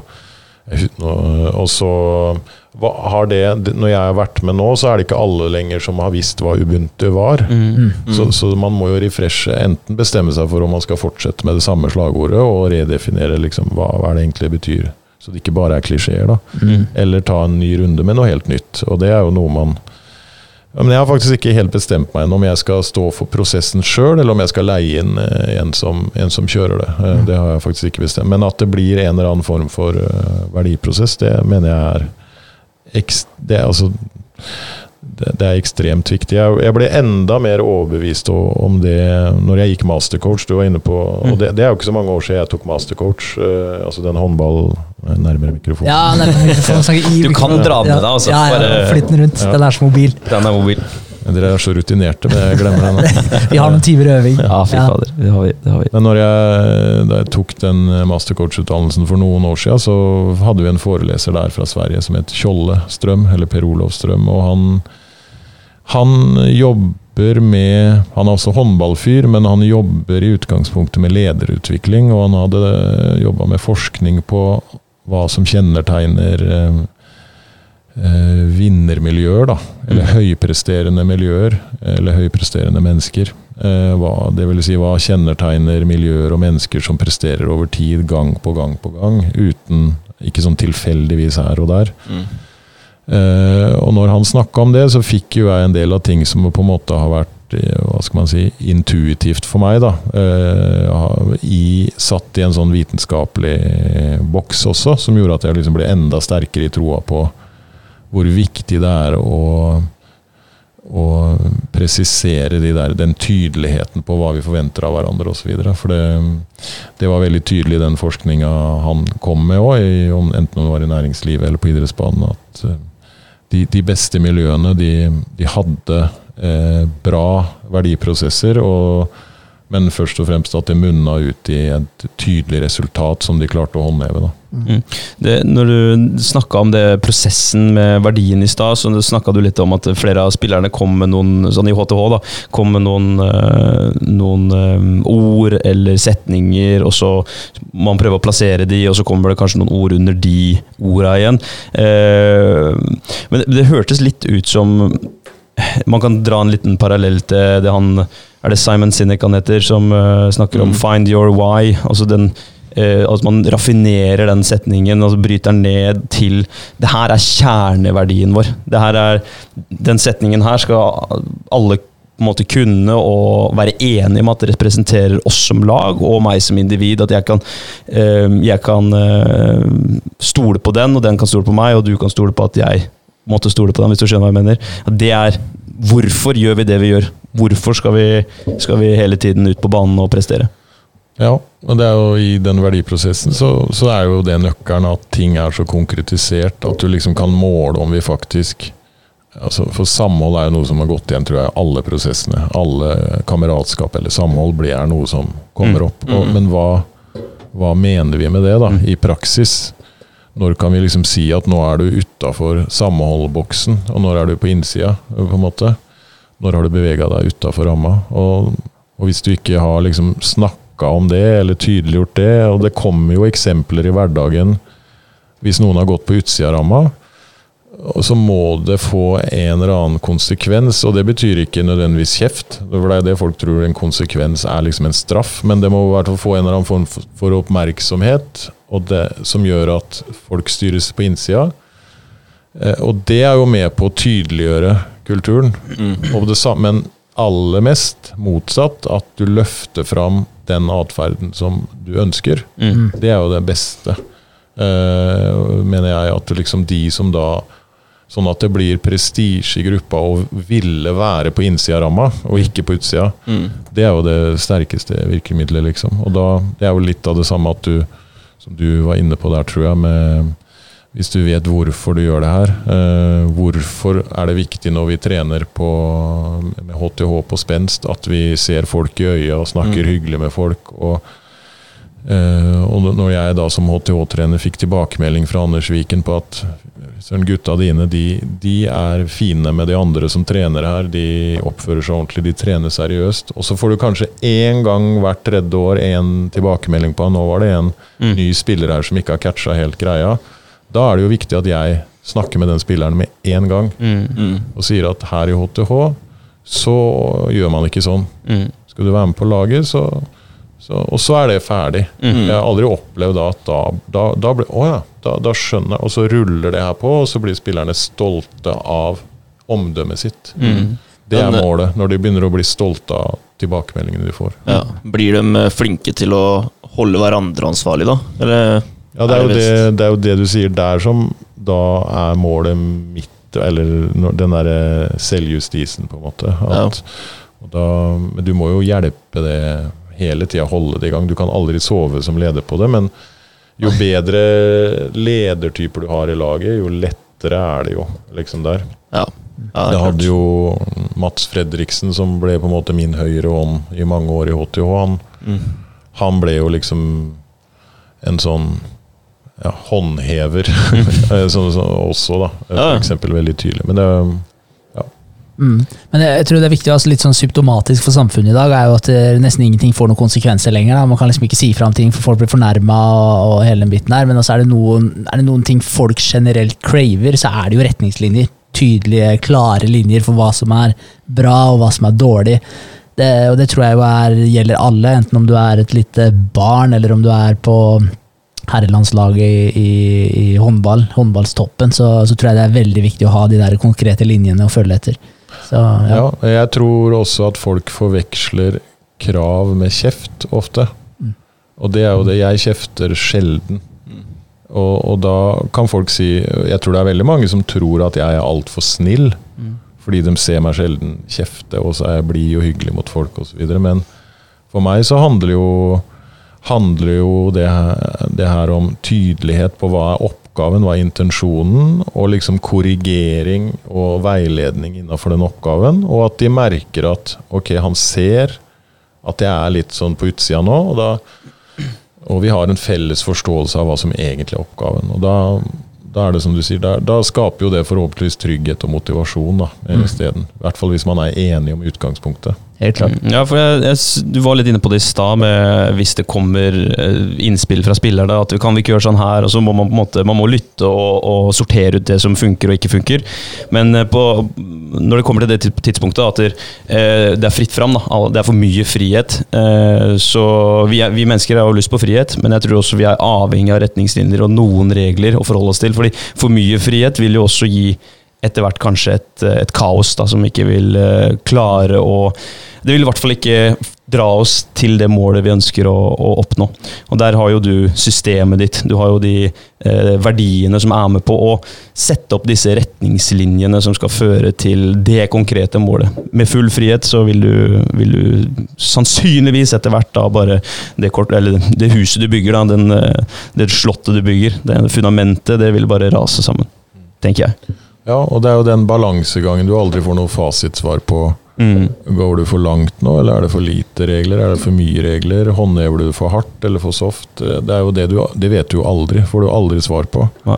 Nei. Men det er jo den Jeg tror at i hvert fall hvis du er bevisst på det da, som leder, så er det jo lettere å treffe oftere enn en som er, ikke er bevisst på det. Ja. Eh, Så, men du Det er jo begrensende. Du skal jo passe på at kreativiteten får lov til å leve, og jeg tror jo at i hvert fall i et spillkonsept, da, eh, så er jo regler og tydelighet et fundament for kreativitet. Da. Mm. For da kan en del ting være automatisert, og så har du overskudd til å være kreativ. Mm. Ja, Godt poeng. Og, og det her med det systemet du, du bygger opp det, jeg, jeg vil se for meg at du det, Mesteparten av tida med gutta er, er å drille inn sånne ting. Det, det overordna systemet, eh, hvordan vi skal være for å prestere. For det fysiske er vel ikke noe du får det grunnlaget setter dem i klubb eh, i sesong og preseason, men for det fysiske, fysisk trening og sånt er ikke noe du eh, fokuserer på på landslagssamlinger, eller? Mm, Ja, eller vi har jo en fulltidsansatt fysisk trener på landslaget som heter Ole Viken. Ja. Eh, og han, han har jo ansvaret Altså, jeg har hovedansvaret for å koordinere alt, men Mm. han har da ansvaret for oppfølging av de samme spillerne som jeg følger opp, Mm. men han har fokus på Viken igjen. Nei, igjen. Han driver og danser huet mitt rundt. Ja. Ja. Jeg visste ikke at jeg snakka med sleng på, på huet, men nå vet jeg det. vet. Eh, ja, altså Han følger jo opp spillerne på det fysiske gjennom hele året. For, å, for, for vi ønsker jo at når spillerne kommer i januar, når vi skal prestere, så må jo de eh, være så fit som mulig, da. Mm. Eh, og så er jo det som er vanskelig her, er jo at det er jo ikke vi eller Ole som lager treningsprogram til dem under sesongen, for det er jo klubbene. Mm. Men vi forsøker å skape en oversikt over hva de gjør, og veilede spillerne til å være selvstendige i, i sin fysiske utvikling også, da. Og, og liksom finne dem Og, og så har man jo ressurser fra Olympiatoppen som vi drar på hvis det er behov for ernæring. og Mm. eh, Vi har også eh, Ole Viken er hovedansvarlig på det fysiske, men vi trekker også inn ressurser fra Olympiatoppen på fysisk, hvis vi og Ole mener at vi trenger litt ekstra support på noe. Mm. Der, Ja. mikrofon. Ja. eh, så, så vi, jo, vi har Og på samlinger så handler det om å på en måte det er jo styrkeøkter. eh, Hvis vi har en ukes samling, så er det tre-fire styrkeøkter, Ja, for ja. eksempel. Ja, fordi det her med fitness er jo også, som du sa i stad, nesten like viktig som eh, ryggmargsrefleksene når det gjelder ting man skal gjøre på banen. Fordi da har du, har du en god eh, generell fysisk kapasitet, så har du mer kapasitet, som du sa i stad, til å være kreativ og til å ta ansvar på banen. Du, du stiller jo sterkere. Det handler om formtopping til kamp, restitusjon etter kamp for å gjøre deg klar til nest, så fort som mulig blir restituert. Så det, det er jo kunnskap, vitenskap, som Mm. må, det må noen personer inn og, og håndheve det. da. Mm. Det er det jo Ole som gjør hos oss. da. Kult. Så bra. Mm, veldig. Hvor, hvor eh, mye tid bruker du aktivt på å på suge til deg kunnskap, eh, forbedre deg sjøl som coach? Ikke bare det å gjøre trenerjobben din, men faktisk prøve å skape deg nye inntrykk, enten om det er innenfor håndballdomenet, eller om det er i helt andre domener, som, som kan være med å Ja, Spille det, som bevisst så har jeg jo ikke gjort så mye av det de siste åra. Fordi eh, du blir liksom litt spist opp av, av klubbhverdagen. da. For Mm. Der er det sånn, bob, det er en sånn klisjé, da, men du går inn i en sånn boble, for det er to til tre kamper hver uke, og videoanalyse og etterarbeid og forarbeid til neste kamp. og så, men det jeg har merka, sånn, det er jo at det Nå har jeg de siste åra skifta lag ganske ofte, og det er jo ikke noe man i utgangspunktet skal anbefale, liksom sånn, men det har jo blitt sånn. Og gått i litt forskjellige ligaer. Hoppa litt fram og tilbake i Sverige Danmark. øh, Vært i Norge, da, men, men nå i de siste fire-fem åra. Og det har jo gjort at jeg det, å, det å trene mange forskjellige typer individer da, eh, på forskjellige nivåer og møte forskjellige spillere, forskjellige trenere, gjør at hodet ditt liksom hele tiden må omstille seg. Da. Eh, og du er nødt til, når du kommer til en ny liga, så må du bruke mer energi på forberedelse Mm. enn hvis du f.eks. er i norske ligaen i 16 år på rad. Mm. Så det har nok gjort, da, i hvert fall for min del, har jeg merka liksom at jeg, jeg syns jeg har utvikla meg ekstremt mye som håndballtrener og leder på å få så mye forskjellig, da. Mm. Eh, Så er ikke det akkurat eh, svar på spørsmålet ditt, men, eh, men det er sånn ubevisst konsekvens av det jeg har gjort, da. mm. Men, men eh, Og så har vi jo Så er det jo alltid hyggelig, sånn som når jeg jobba med Christian Berge f.eks., så har jo vi truffet hverandre veldig på liksom sånn å diskutere detaljer da, i spill. Og det er jo sånne ting. Og også med Martin Bokvist, som nå blir med som min assistent. Han er jo også blitt kjent med de fire siste åra. Mm. Og vi De to er vel kanskje sånne personer som jeg ofte har snakka fag med, da. Og det er jo ikke sånn at du går inn med en intensjon om å utvikle deg, men det, det er jo fordi du sitter faktisk og diskuterer konkrete ting, og så blir jo det konsekvensen av det at du Ja, at man sparer litt med hverandre og, og få litt flere verktøy, da, kan man kalle det. Ja. Det er jo egentlig konsekvensen av den podden vi har eh, her også. Det det. du sitter og snakker litt, og så begynner det, å- det setter i gang prosesser som gjør at hjernen tilpasser seg i hvert fall lite grann. Det er jo ikke alt man klarer å få med seg hver eneste gang, men det, det er jo en, eh, som du sier, en fin konsekvens av, eh, av agendaen vi har. eh, her i rommet, i hvert fall. Mm. Det må treffe mange forskjellige mennesker òg. Når du sier det at du ja, skifter klubber, selv om det som du sier også, at det ikke er noe man eh, kanskje ønsker, men at det ble som det ble. Men da, da har du jo fordelen med at du får mye nye inntrykk, mange forskjellige spillere, mange forskjellige støttetrenere, hjelpepersonell som du, som du også blir kjent med. og ja, Du lærer deg mye om kultur. og du, Mm. Ja, og får jo spillerne, ikke minst, er jo kanskje det man lærer mest av. Mm. Altså, er- alle spillere, spesielt på det nivået, har jo en eller annen erfaring og en eller annen løsning på en ting. og Ofte du lærer en ting som du ikke har tenkt ja, Det var smart, liksom, Mm. tenker du som trener. Og så legger du jo det i verktøykassa di. mm. Og Det er der du må være god som trener og samle på verktøya du får underveis. Og så, sånn at du har eh, mye Jeg føler at jeg har mye flere verktøy nå faglig og som leder nå enn jeg hadde i tida i HTH f.eks. Og det håper jeg jo fort, om fem år at jeg kan si at jeg har enda flere. At det liksom fortsetter å sånn, da. At man blir bedre. Selv om man ikke setter seg ned og leser bøker, da, mm. hvis du forstår. Men eh, selv om man også gjerne kunne gjort det. og skulle gjerne tatt eh, mange lederutdanninger og diverse greier. Men eh, Det er, det er ikke alltid det er tid. Nei, Det er det er for få timer om dagen, rett og slett. Ja, det er det. Ja. Det er sånn eh, pusteteknikkurs som dere hadde før. eh, Nå har du fått det kurset, så nå Ja. er det bare å fortsette. Ja, jeg Wim Hof. Utlært, jeg nå. Ja. Sertifisert Wim Hof breather. Det blir eh, starten før hver kamp, det nå. Ja, jeg, jeg hoppa jo av på pust to, så jeg, men jeg, Runde to.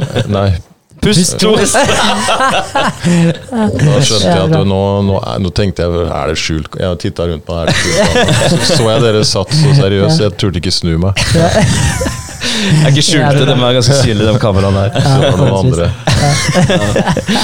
Jævlig bra. Eh, men eh, det skulle jeg spørre deg om, faktisk. Har du noen, eh, har du noen sånne type ritualer før kamp? Eh, når, eller før trening, eller et eller annet sånt Noen, gir du gutta dine noen, noen ritualer, eller noe? Nei, det, det er jo litt, også litt forskjellig i et lag. Hvis du kommer inn i et lag som har hatt en rutine, så prøver jeg å tilpasse meg det. Ja, Men ja. det er ofte ganske like rutiner med liten garderobe, peptalk en time før kamp, eh, videomøter de to siste dagene før kamp. Men uh, sjøl så må jeg ha alle dører i garderoben lukka når jeg prater. Ja. Eh, Dodøra må være lukka, alle dører må være lukka. Eh, Det, det klarer jeg ikke å la være. Men det er Og så drikker du ikke vann før du har peptalk? Nei. Nei.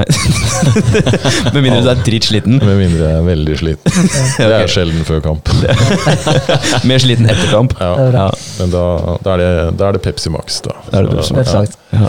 Men er det så, noen sånne Jeg regner med at du har lært deg mange eh, ja, hva skal jeg si, sånne mentale triks opp igjennom. Du snakka om den her eh, ny ball-mentaliteten tidligere. og det er jo mange som, altså Man kan kalle det mentale sannheter, om du vil. Jeg vil jo kalle det en mental sannhet, det med å ha fokus på ny ball. At det, det hjelper ikke å drive og dvele ved tapet eller det nederlaget som du har eh, ja, gått på. Eh, Du må bare fokusere framover. Det som skjer foran deg, er det eneste du får gjort noe med. Har du, har du mange sånne i verktøykassa di også, som du, som du på en måte benytter deg som du sprer litt utover eh, når du merker at folk eh, sliter litt med psyken? Er eller at folk blir frustrerte for å få dem litt på rett kjøl igjen? Har du, har, du, har mange sånne? Jeg, eh, jeg tenker jo ikke at jeg går rundt med en oppskrift, men jeg, jeg tenker jo at det er viktig det du sier der, at, at man er på, eh, dårlig begrep, men liksom på å lese eh, i forhold til å kunne snakke med enkeltspillere og laget sitt på riktig måte. Men Mm. problemet er jo som leder at du aldri vet hva som er riktig måte. Mm. Fordi når du snakker til en gruppe på 16, så er Hvis noen ikke har prestert, da, så kan det være noen som er for nervøse. Det kan være noen som er for lite nervøse. Det kan være noen som bare er for dårlige. Det kan være noen som er lei seg. Det kan, så den peppen du har, kan jo passe for tre av dem, men sju av dem syns det er dritkjedelig, eller omvendt. Mm. Um, så du har, men jeg tror, jeg tror liksom Derfor så tror jeg det jo mer du blir kjent med spillerne og med individet, da, jo lettere er det jo de samtalene å nå fram, og hvor, hva slags type feedback skal du gi, og når skal du gi? Skal du holde kjeft, eller skal du si noe? Skal du være faglig, eller skal du bare være støttende, eller skal du være streng? Mm. Noen ganger så er det jo riktig å kjefte òg, kanskje, hvis det er noen som ikke tar i Mm. fordi de ikke gidder. Da skal du jo trykke til litt og vise resten av gruppa at det ikke er greit også. Altså, jeg tror det er eh, så, så, Men jeg tror det ofte Det jeg opplever mest, da, det er jo at spillere vil. Mm. Det er jo liksom mitt utgangspunkt hele tida. Mm. Og det er veldig sjelden jeg har holdt på, eh, holdt, levd av det i 20 år. Jeg har nesten aldri hatt noen som jeg opplever ikke vil Mm. hvis de får hjelp. De vil ha hjelp, og de vil bli bedre. Og istedenfor å gå rundt og mistenke folk for at de ikke gidder. Og derfor så er det eh, ofte sånn når ting går dårlig, eh, så trenger de mer hjelp til å, å, å ikke krisemaksimere enn å liksom for, bli fortalt hvor ræva det her var. Mm. Men heller liksom si at ok, det, hvis vi taper med ett mål kontra å vinne med ett mål, så er det kanskje tre aksjoner i kampen som er forskjellen. Mm. Men da sier på tribunen, og så sier kanskje vi spill, spillerne og så er det lett å si 'fy faen, i dag var vi dårlige'. Og så var det kanskje bare tre aksjoner som var forskjellen. Ja. Å prøve å være rasjonell, da. Det er jo liksom vår lederoppgave. Liksom. Så det, det er vel hvis, Jeg vet ikke om du skal kalle det verktøy, men jeg prøver i hvert fall å, å holde en viss Prøve å ikke analysere ut fra følelser, da. mm. men faktiske ting, da. Mm. Uh, du snakka om nervøsitet. Uh, har du Merker du fort på spillerne som er nervøse før en stor uh, kamp, hvis det er en Jeg vet ikke om Norge har noen sånn type eh, nemesis eller erkerival, men eh, det er jo sikkert noen lag som er eh, skumlere å møte enn andre, for man vet at det er som du sier, tyngde eller bredde i troppen, og de har mange pokaler fra før av. Men hvis du merker at en spiller er nervøs, eh, spotter du det, og hva, er det, du- hva, hva, hva kan man gjøre med en nervøs eh, spiller? For vi har nettopp snakka om nervøsitet, så det var litt Det har sånn vi faktisk. Ja. spennende å høre hva du tenker rundt det. For det første så er det jo veldig vanskelig å svare ut fra sånn, sammenligne med Norge. For jeg, har, Ja. jeg, jeg vil jo si at jeg har ikke noe erfaring med det. Nei, Så men fra klubblag, da. Så liksom bare teit å late som jeg Jeg har masse eksempler fra det. Så Kjempeerfaren på det området. Ja, ikke enda, i hvert fall. Men, eh, nei, men ja, man merker jo ofte i inngangen til kamp Det merker jeg ofte idet man går inn i garderoben og man skal ha den siste peppen der, så kjenner man litt på Og også kanskje når man går av bussen for eksempel, og inn i garderobe, så er det veldig forskjeller på hvor lett stemning det er, og hvor stille det er, og hvor mye tøysing det er, og, Mm. og sånn. Eh, Og da er liksom erfaringa mi at de gangene hvor det er litt nervøsitet, hvor de kikker litt mer ned i gulvet, og det ikke er for mye snakk, Mm. eh, men samtidig litt, men liksom ikke bli for fjollete og liksom det, det er ofte et godt tegn når jeg ser at de kikker i gulvet. Mm. Mm. Eh, fordi da, da, er du, da er du nervøs, og Mm. nervøs er bra. Men så er det jo Det er veldig vanskelig å spotte, syns jeg, eh, i forkant hvem er for nervøse. Mm. Men det er igjen Du må Jo mer kjennskap du har til spilleren, jo flere erfaringer du Mm. har med spilleren, jo mer du bedre relasjon du har til spilleren, jo mer, mer informasjon får du av spilleren. Altså, alt det der er jo en del av en helhet som du må liksom skaffe deg over tid. Mm. Mm. Og så kan du, som sagt, du kan gå inn og tro noe, men du vet jo aldri om det er så, Den strategien jeg velger som trener med å gå fram til deg og stille deg et spørsmål, gjør det det verre, eller gjør det det bedre? Mm.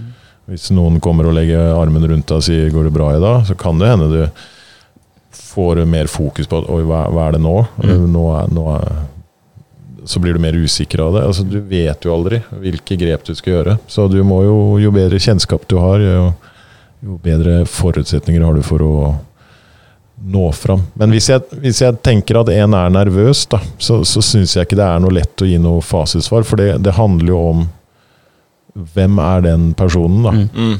Eh, hvor, hva, best, hva tror jeg er grunnen til at han er nervøs? Hva er det som altså det, jeg, had, jeg vil ikke si navn, da, men jeg hadde jo en spiller en gang som, som jeg etter hvert som jeg ble kjent med, som hadde veldig prestasjonsangst. Mm. Eh, og, og fordi jeg ble godt kjent med den etter hvert, så, for jeg hadde jo prøvd alle typer trygghets... Eh, hva skal man si? Trygghetsstrategier, liksom. Og gi støtte og backing og sånn. Men til slutt så skulle jeg prøve noe helt annet, da. Og da for da hadde jeg skjønt at det som betyr noe for den spilleren, var hva, hva de på tribunen mente om han. Litt sånn image-ting, å se stor og sterk ut, og liksom det var viktig. Mm. Og da bestemte jeg meg for å, for å trykke litt på det, da. Mm. At liksom hvis du hver gang, Det er ingen som ser på deg som stor og sterk hvis du hver gang du går av banen ser ut som en liten puddel. um, og da var jeg litt slem, da. Ja. Men etter å ha prøvd mange andre ting først. Men det var først etter det. Mm. det men det, det hadde jeg aldri sagt til en jeg ikke hadde en kjempetett relasjon til. Mm. Eller, og, Du kjente godt og på det. lang, lang Lang relasjon til, da. Ja. Eh, for eks det er bare et eksempel på liksom Den kjennskapet til han gjorde jo at jeg tok den strategien. Mm. Og det funka. Altså, jeg skal ikke si det bare derfor, men jeg har faktisk spurt den spilleren etterpå. Mm. Hva, og, da fikk jeg Du vet jo aldri om spillere snakker sant, da, for de snakker deg bare etter munnen. så derfor så er ingenting av det jeg sier her nå, er, er ikke holdbart, Nei, nei. Det er det man aldri vet, så jeg skjønner ikke hvorfor man driver med det. Nei, hvorfor sitter vi og snakker da? Nei, men eh, Så jeg fikk en form for bekreftelse. For jeg, er nysgjerrig, jeg ble nysgjerrig på hva var det som skjedde, egentlig. Og da hadde det, ifølge han, da gått opp et lite lys på det. Jeg, jeg må rett og slett bare skjerpe meg. Det ser bare teit ut å å rusle ut av banen hver gang det er motgang, liksom. Mm. Mm. Istedenfor den eh, kanskje klappe på skuldra og 'kom igjen, du, vi, vi tror på deg', og liksom den der litt standard greia, Så prøvde jeg en litt annen greie med til slutt, da. Etter å ha prøvd de andre tingene. Mm. Interessant. Men eh, jeg syns det var også interessant det du sa i stad, for du snek inn en liten kommentar der du sa 'nervøs er bra', sa du. Mm. Jeg, kan du utdype det litt? Ja, jeg, jeg tror Altså, en viss nervøsitet for å yte maks jeg tror jeg er viktig for å dra For vi er jo i utgangspunktet litt bedagelige, liksom, hvis man ikke har noe Unnskyld språket. Ja, det, går, det går bra. Vi, Ja, det går veldig fint. det kommer noen gloser her innimellom. Altså. Adrenalin i kroppen, eller altså Det er jo kampsport, da, i utgangspunktet håndball. Eh, boks, liksom, hvis du går inn i en boksering med litt lav på energi, Mm. så, så får du jo juling, Ja. på en måte. Eh, og og du, det er jo ikke så veldig behagelig å bli dytta på og slått på og presse deg over en, så du må jo hente fram det med Det, det skal være viktig for deg. Mm. Ikke sant? Så, så den, den tror jeg må være der. Og så er det jo eh, finne det, det som alle snakker om, det optimale spenningsnivået. Da, og Mm. det å kunne være fri samtidig som du gir maks. da. Mm. Så jeg tror den eh, jeg, jeg har i hvert fall en innbilning om at uh, de kampene hvor jeg kommer inn i garderoben og jeg kjenner at det er litt stille, automatisk, uten at noen har måttet si hysj, Mm. Eh, og du ser øyenbryna litt uh, trukket litt sammen, og det er et fokus, da. Da, da kommer du oftere bedre ut av startblokka, i hvert fall. Så skjer det jo så mye underveis i kampen som styrer momentumet og nervøsitet og selvtillit og sånn. Men Mm. eh, i startblokka, i hvert fall. Du kommer litt inn i et sånt overlevelsesmodus, som du snakka om. Du vil ikke få juling, du vil ikke få vondt. Du går inn i en sånn fight or flight. At du tapper inn i den delen av deg, i hvert fall. Sånn at Ja. du får den Du slåss for, slåss for livet litt Ja. når du er nervøs, Du gjør det. tror jeg. Ja, det, er, eh, det er jo spot on. Vi snakka litt om det forrige pod, og det er jo Det å tenke nervøs er egentlig bare spent. Jeg er Ja. spent på hvordan det her Samme symptomene Ja. er det. Jeg jeg er spent på hvordan det her skal gå. Det her kommer til å gå bra. Og så girer man seg opp ut ifra et spennings, eh, en spenningsvinkling da, på, på det hele. Mm.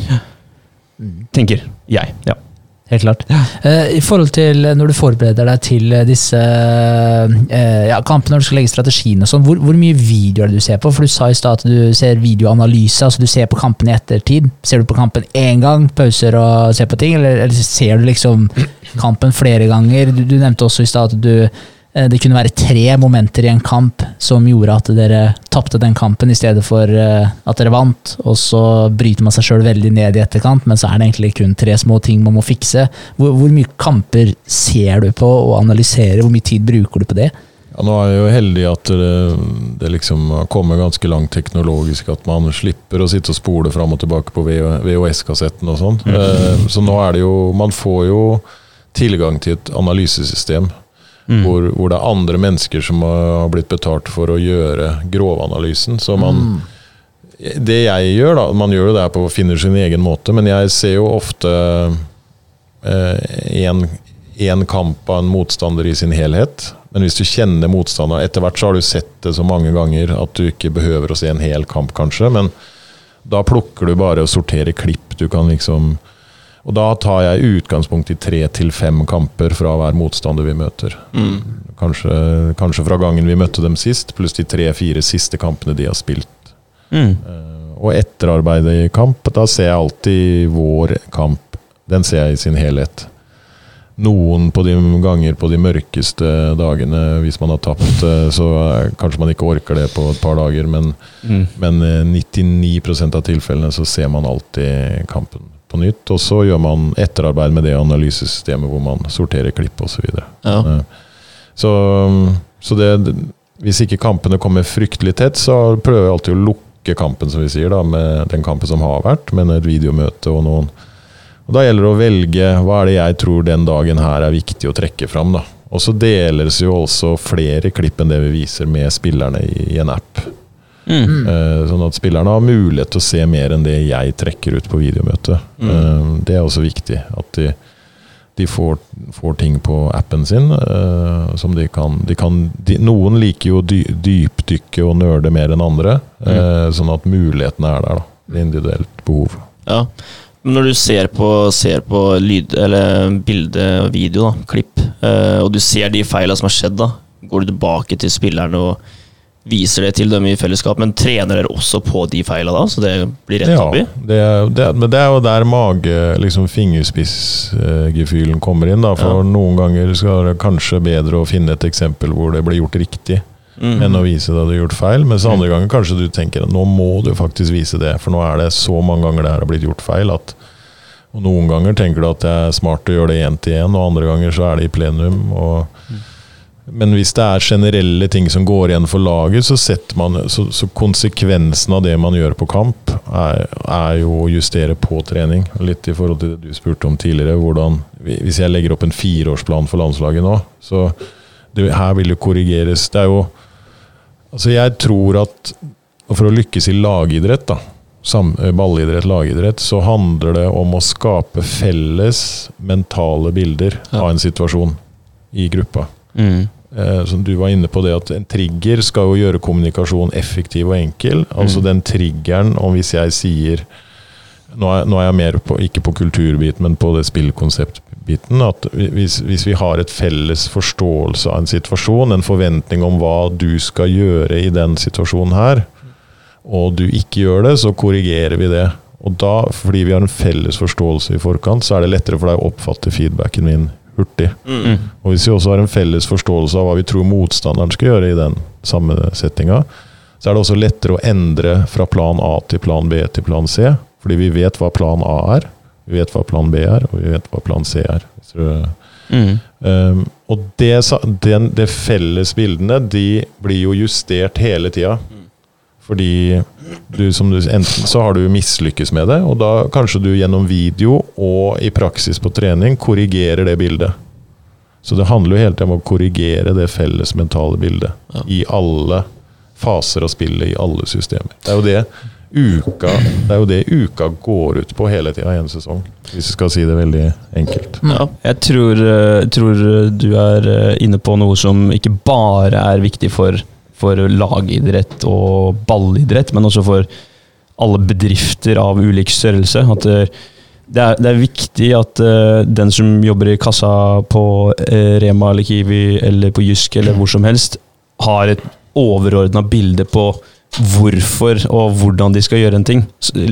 På lik linje som butikksjefen. At de er enige om at det her er Jysk. Eh, hvorfor eh, opererer vi sånn på Jysk? At man har det, som du sier, da, det, det bildet, at folk ser litt hvorfor og hvordan ting skal gjøres. Mm. Så i alle bedrifter er det nok kanskje ikke like viktig, men at det er viktig at man har, har samme, samme retning da, i det man gjør. Det er veldig lett å se hvorfor Eller hvordan man gjør noe, Mm. men ikke hvorfor du gjør det. da Mm. Ja, så Det er jeg to forskjellige ting, det. Ja, og så tenker jeg som eh, Hvis man eh, jobber sammen med noen, eh, og kanskje er sjef, eller eh, man, man er assisterende, eller så har én et Jeg har jo et bilde av hvordan jeg ønsker å gjøre ting med mine prosjekter og mitt liv, men hvis jeg har en jeg samarbeider med, så Han er ikke inne i hodet mitt. Han ser ikke den filmen som snurrer her oppe hele tiden. Eh, både heldigvis og uheldigvis, fordi da betyr det at man må være flink til å kommunisere tydelig, som du også har vært inne på, Jonas, mange ganger. At det, man må være tydelig på hvor man vil hen, og hvorfor man vil litt. Mm. Så får man det klare bildet. For det er veldig lett, og det gjelder eh, oss eh, kamerater, og er veldig lett å tro at den personen man sitter ved siden av, vet akkurat hva man eh, tenker. Ja.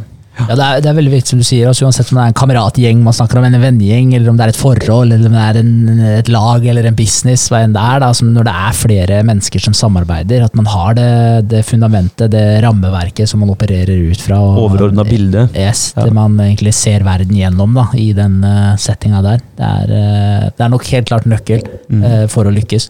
Og eh, jeg syns det var veldig interessant den der prosessen du snakka om i stad, i forhold til der verdiprosessen og det her med at laget kommer med, eller spillerne, individene sjøl, kommer og blir enige om rammeverket. Det syns jeg var kult. Eh, Jeg hørte på en fyr en gang tidligere, en sånn businessfyr da, som heter Brian Tracy.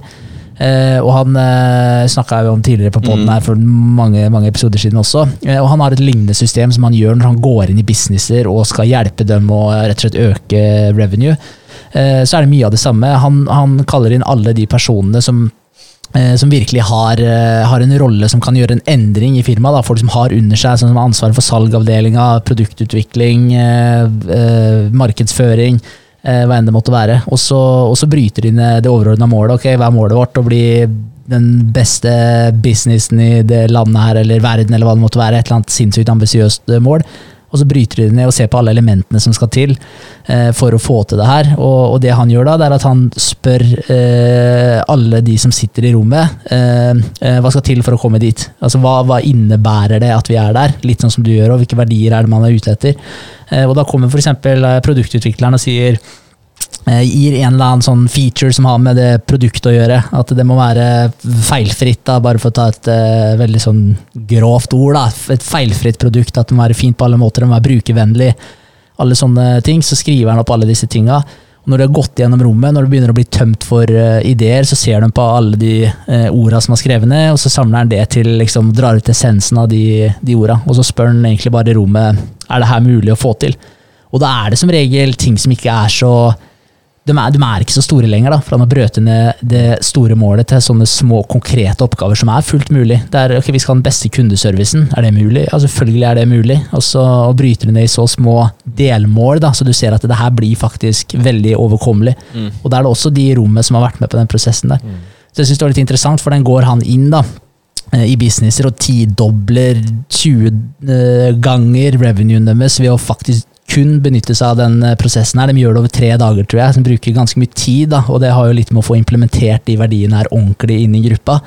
Eh, Men det er jo akkurat det du snakker om. Eh, Det er jo samme prosessen. Ja, det, sånn som du beskriver det, så ligner det jo veldig. For, det, for det handler om å stoppe opp. De, de jobber jo i grupper da, først, og så presenterer de gruppe, gruppevis. Da Så har vi litt kortere startprosess på det, men vi er jo veldig mye sammen i det daglige. Liksom. Men, men det er egentlig akkurat det samme greiene. Ja, veldig, jeg synes det er interessant, for det går eh, ofte når man hører sånne ting, da, folk som er på et eh, veldig høyt eh, nivå innenfor, enten om det er business eller om det er innenfor eh, sport, lagidrett, trener som du, som du er, så at det er mange av de samme prinsippene som overlapper veldig i forhold til eh, Ja, for det er jo mennesker man har med å gjøre, som regel. Mennesker i grupper. Mm. Så opplever min erfaring er i hvert fall at eh, altså de fleste mennesker altså Du kan jo si at når du har et bra miljø i gruppe over tid, eh, så, så, så, så har jeg opplevd at det er jo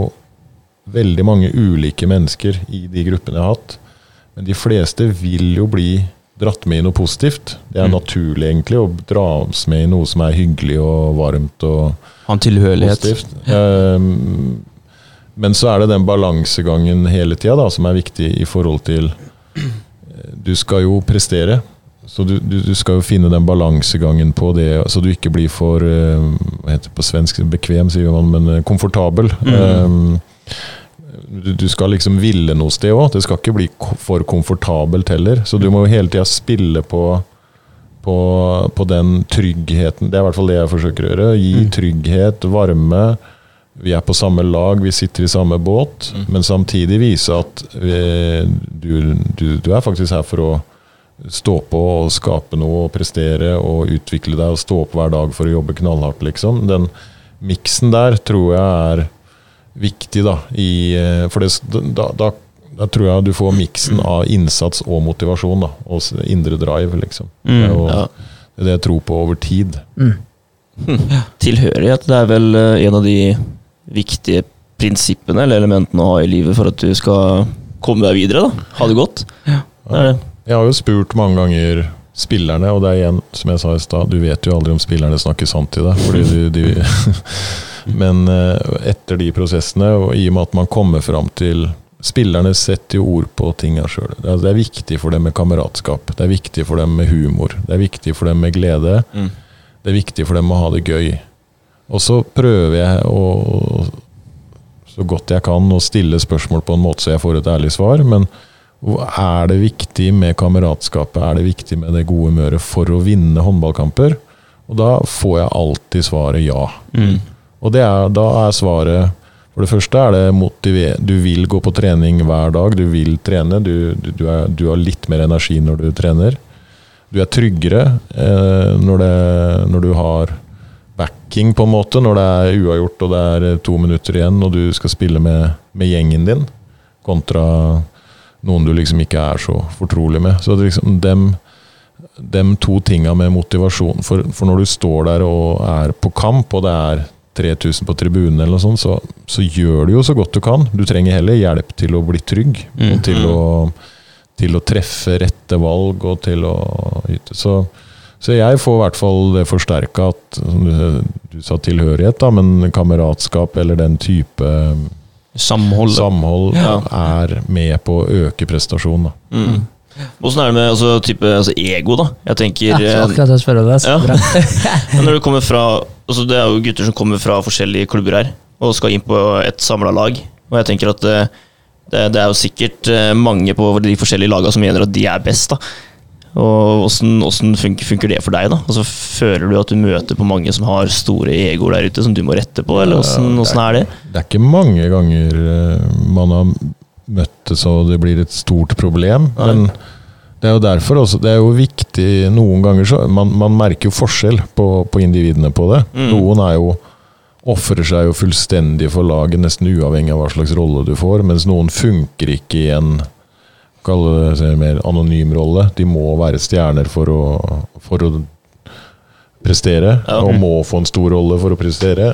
Eh, og kanskje også blir sure hvis de ikke er der, liksom. Og, men der igjen kommer jo den verdiprosessen fram. Eh, liksom det må ligge litt i bånn, og være klarert på forhånd hva som er akseptabelt. Og, det, og jeg tenker sånn, Den klassiske problematikken er jo spilletid kontra ikke-spilletid. Det er jo Mm. den som skaper størst konflikter, eller mest frustrasjon Mm.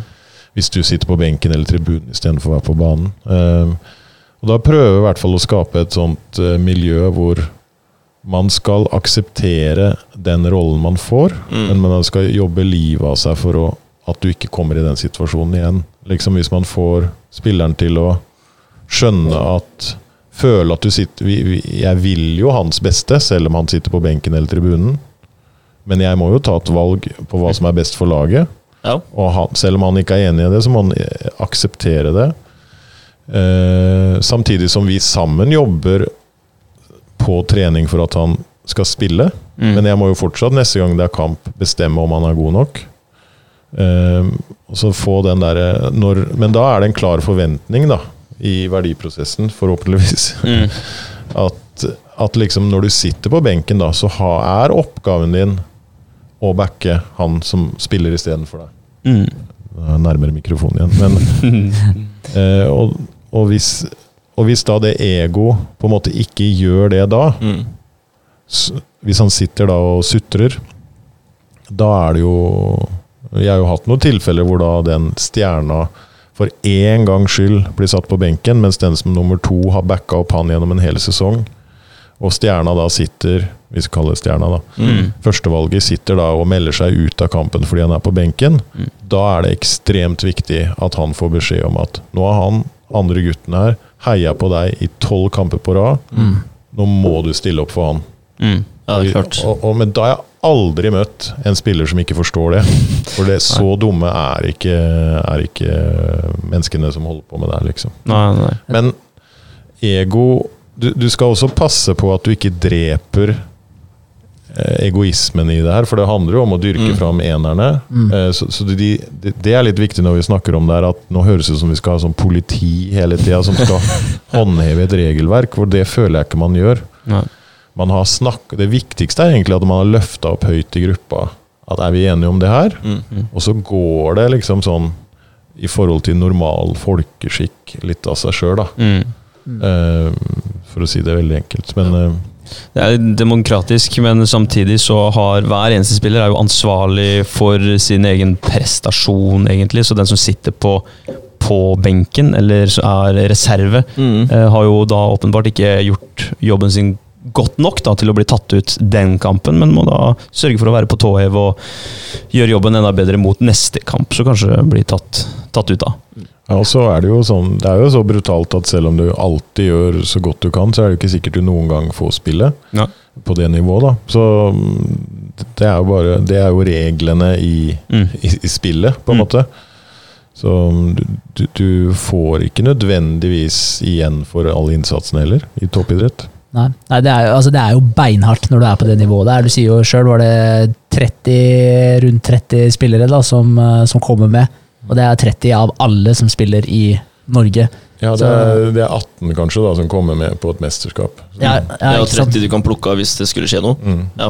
Ja, så det er jo et nåløye å komme gjennom. Og det er, det er det litt òg, når du har eh, sammenligningsgrunnlaget. Vi har også prata litt om det tidligere, i forhold til hvem er det du sammenligner deg med. Altså Hvis du sammenligner deg med de du spiller med på ja, laget fra du er ung, da. Når du sammenligner deg med de lagkameratene dine hele tiden, og så begynner du kanskje å konkurrere litt gjevere turneringer, konkurransen øker, du får nye å sammenligne deg med. Til slutt da, så ender du opp på et landslag hvor du er liksom du er jo blant kremen av håndballspillere, eh, også, og da er det jo dem du må sammenligne deg med. Og da er du brått ikke eh, Hva skal jeg si, da er du kanskje litt gjennomsnittlig da, i den gjengen der. Og det er jo klart at det, det krever jo ganske mye som person også å klare å deale med det, når du kanskje er vanlig med å være best hele veien, og så kommer du på et, eh, en arena hvor du ikke er best lenger, og klarer å deale med det. Og spesielt også hvis du begynner å kanskje slite benken litt. Og da være støttende overfor lagkameraten din og, og jobbe like hardt for å tenke at vet du hva, jeg skal komme meg ut på den banen der. Det der er jo, er jo ikke på landslag for å det, så det er jo den klassiske problemstillinga når du går fra junior til senior, f.eks. Du mister jo mange nettopp pga. det der, at du har vært vant til å være den viktigste, den som treneren snakker med hele tida, og så plutselig er du er du én i mengden, Mm. f.eks., og så går det kanskje et halvt år, ett år, og så går det på tredje året. Da er, du, da er det kanskje ikke så morsomt lenger, og så slutter du når du er 20. Mm. Um, det er jo litt de samme mekanismene. Så, men derfor er det ikke alle som klarer det, uh, heller. Um, men det, det, er, det er en del av Gamet. Ja, og det er, sånn er det jo ikke bare i toppidrett. Det er jo overalt, det. Hvis man Ja, ja. skal få jobb eller komme inn på et studie eller Det er det. Absolutt. Men der er jeg litt eh, tilbake til det med ego i stad òg, for det er viktig som du sier, at, liksom, at man er helt politi for ego heller. Altså, ego er jo en viktig del av det. Eh, som du sa, André, altså, du, må jo, du skal jo prøve å, å bli best. Nå paraphraser jeg det du, du sa i stad, men eh, så ego Se der å, Ja, ja. Jeg at vi av, eller? Der kom vannslurken. Ja, det var godt, eh, Eh, godt vann. Ja. Bratt skott vann. Ja, men, så, det er, så det er viktig å, å holdt jeg på å si, integrere ego da på en god måte. For det er jo viktig å ha ego der. Du skal jo prøve å bli best. Det er jo det som, det, er jo det, det dreier seg om, selv om du da skal integrere det i en lagsport. Ja, fordi det er jo Ja, det tror jeg er veldig viktig. eh, For det, det som jeg sa, at du Det var en litt eh, Kan ta en HTH eh, Det var noe av det jeg tenkte fra HTH-tida òg, at Altså, vi jobba jo lenge på en måte for å rykke opp. Og jeg husker Mats Fredriksen og Halvard Berge Pedersen var to spillere som var sånn fast innslag i Radio Prime. Det var på den tida, det var noe sånn hver tirsdag så var det en håndballsekvens der. Og da, da hadde vi mislykkes med å rykke opp, og så hadde vi så fin gjeng og så fint lag, og, men vi, var liksom, vi mangla litt spiss, da. Litt spisskompetanse. Mm. Og da husker jeg de snakka, det blir spurt om på det radioprogrammet, liksom For når de kom, så hadde de jo ekstreme ambisjoner eh, liksom om å bli så gode som mulig. Eh, når de kom til HTH. Eh, de skulle bli proffer og alt det der. Men så ble de stilt spørsmål om på radioen om hva slags ambisjoner de hadde. Nei, det var bare å rykke opp med HTH. Det var bare det som gjaldt. Og det tenkte jeg liksom Førstereaksjonen min og liksom, og var jo kjempehyggelig. En sånn lojalitet til liksom laget mitt og laget vårt. da.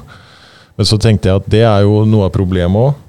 At det har blitt for få spillere i vår stall som står opp hver dag, som vil til Bundesliga. Mm.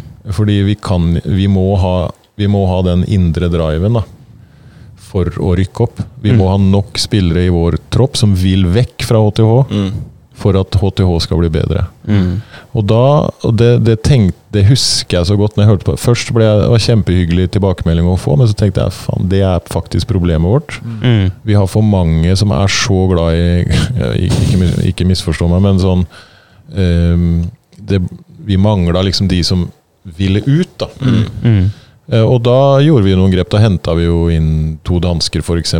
Brukte litt mer penger på to spillere som hadde litt den derre spisskompetansen og driven, og så spissa vi det til enda litt mer. Så rykka vi opp året etter, da. Mm. Men eh, det, Jeg sier ikke at det var bare pga. det, men det var nok mye pga. at vi henta inn noe spisskompetanse. Mm. Så den Hvis ikke du har den Hvis du ikke er sur når du blir vraka, eller Sur er kanskje et dårlig ord, men hvis du ikke er revansjesugen da, når Mm. du blir vraka, så er det er jo en form for ego. da Du vil, ha en drive, da. i hvert Mm. fall. Mm. Hvis ikke så er du ferdig. Helt klart.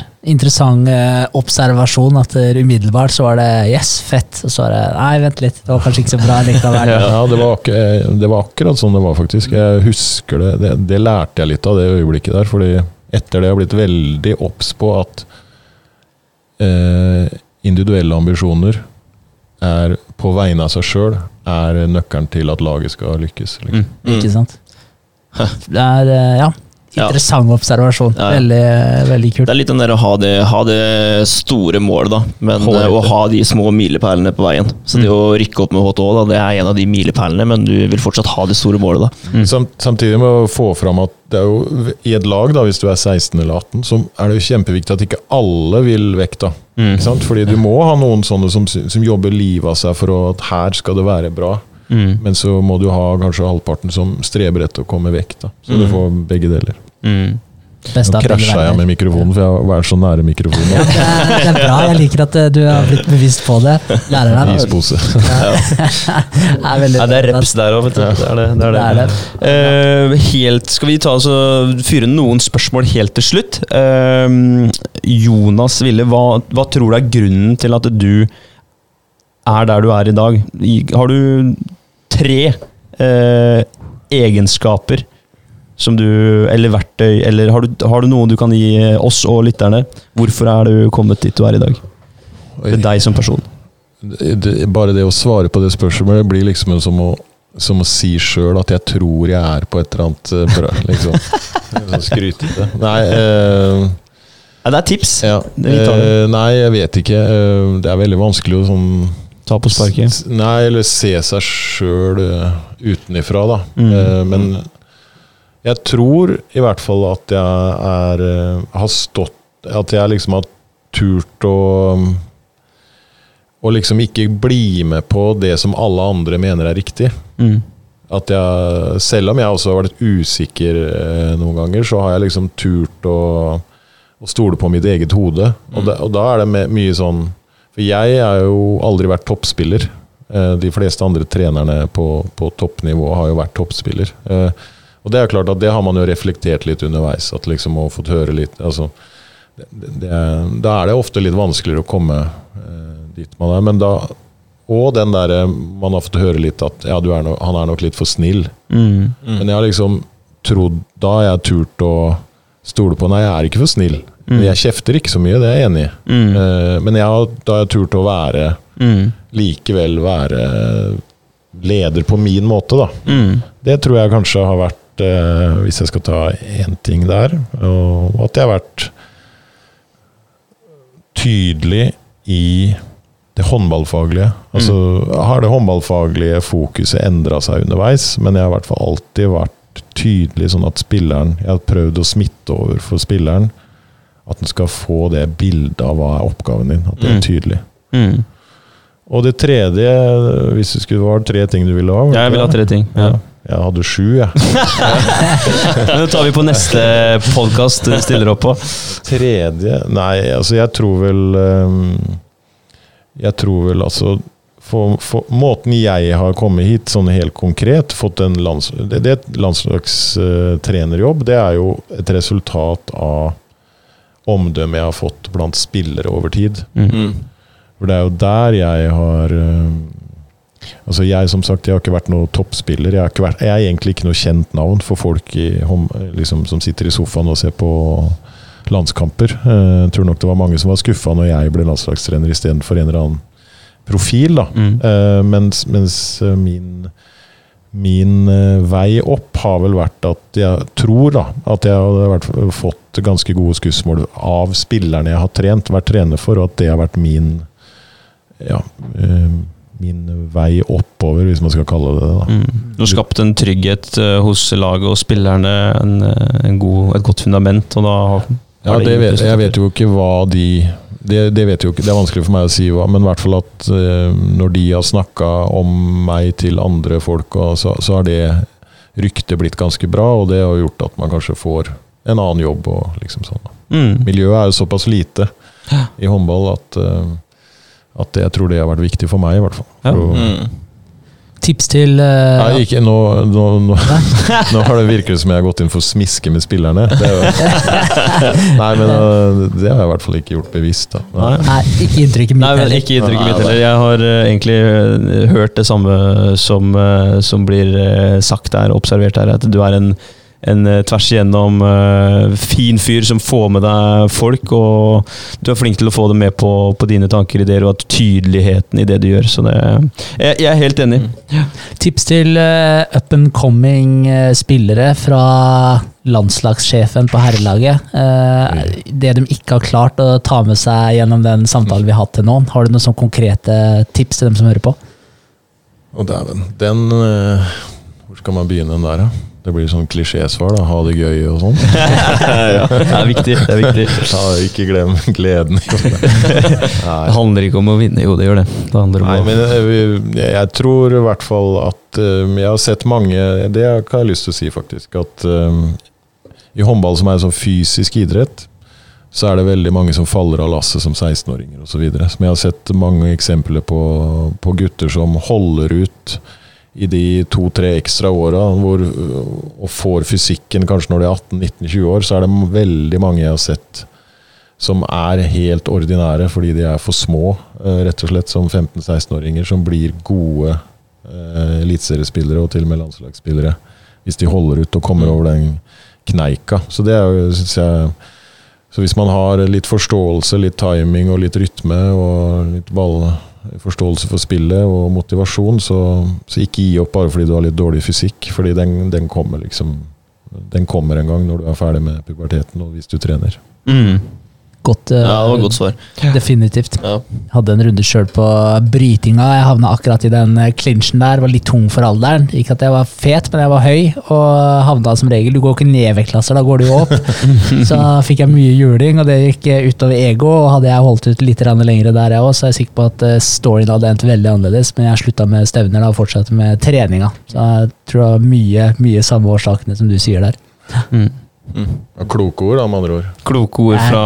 Jonas Det var det. Ville. Tusen eh, hjertelig takk for besøket. Mm. Og masse lykke til med det som skjer i høst. Takk for at jeg fikk komme, det var hyggelig. Veldig hyggelig, Jonas. All right, da ses vi. Yes. Ha det bra. Takk for i dag. Eh, Hei.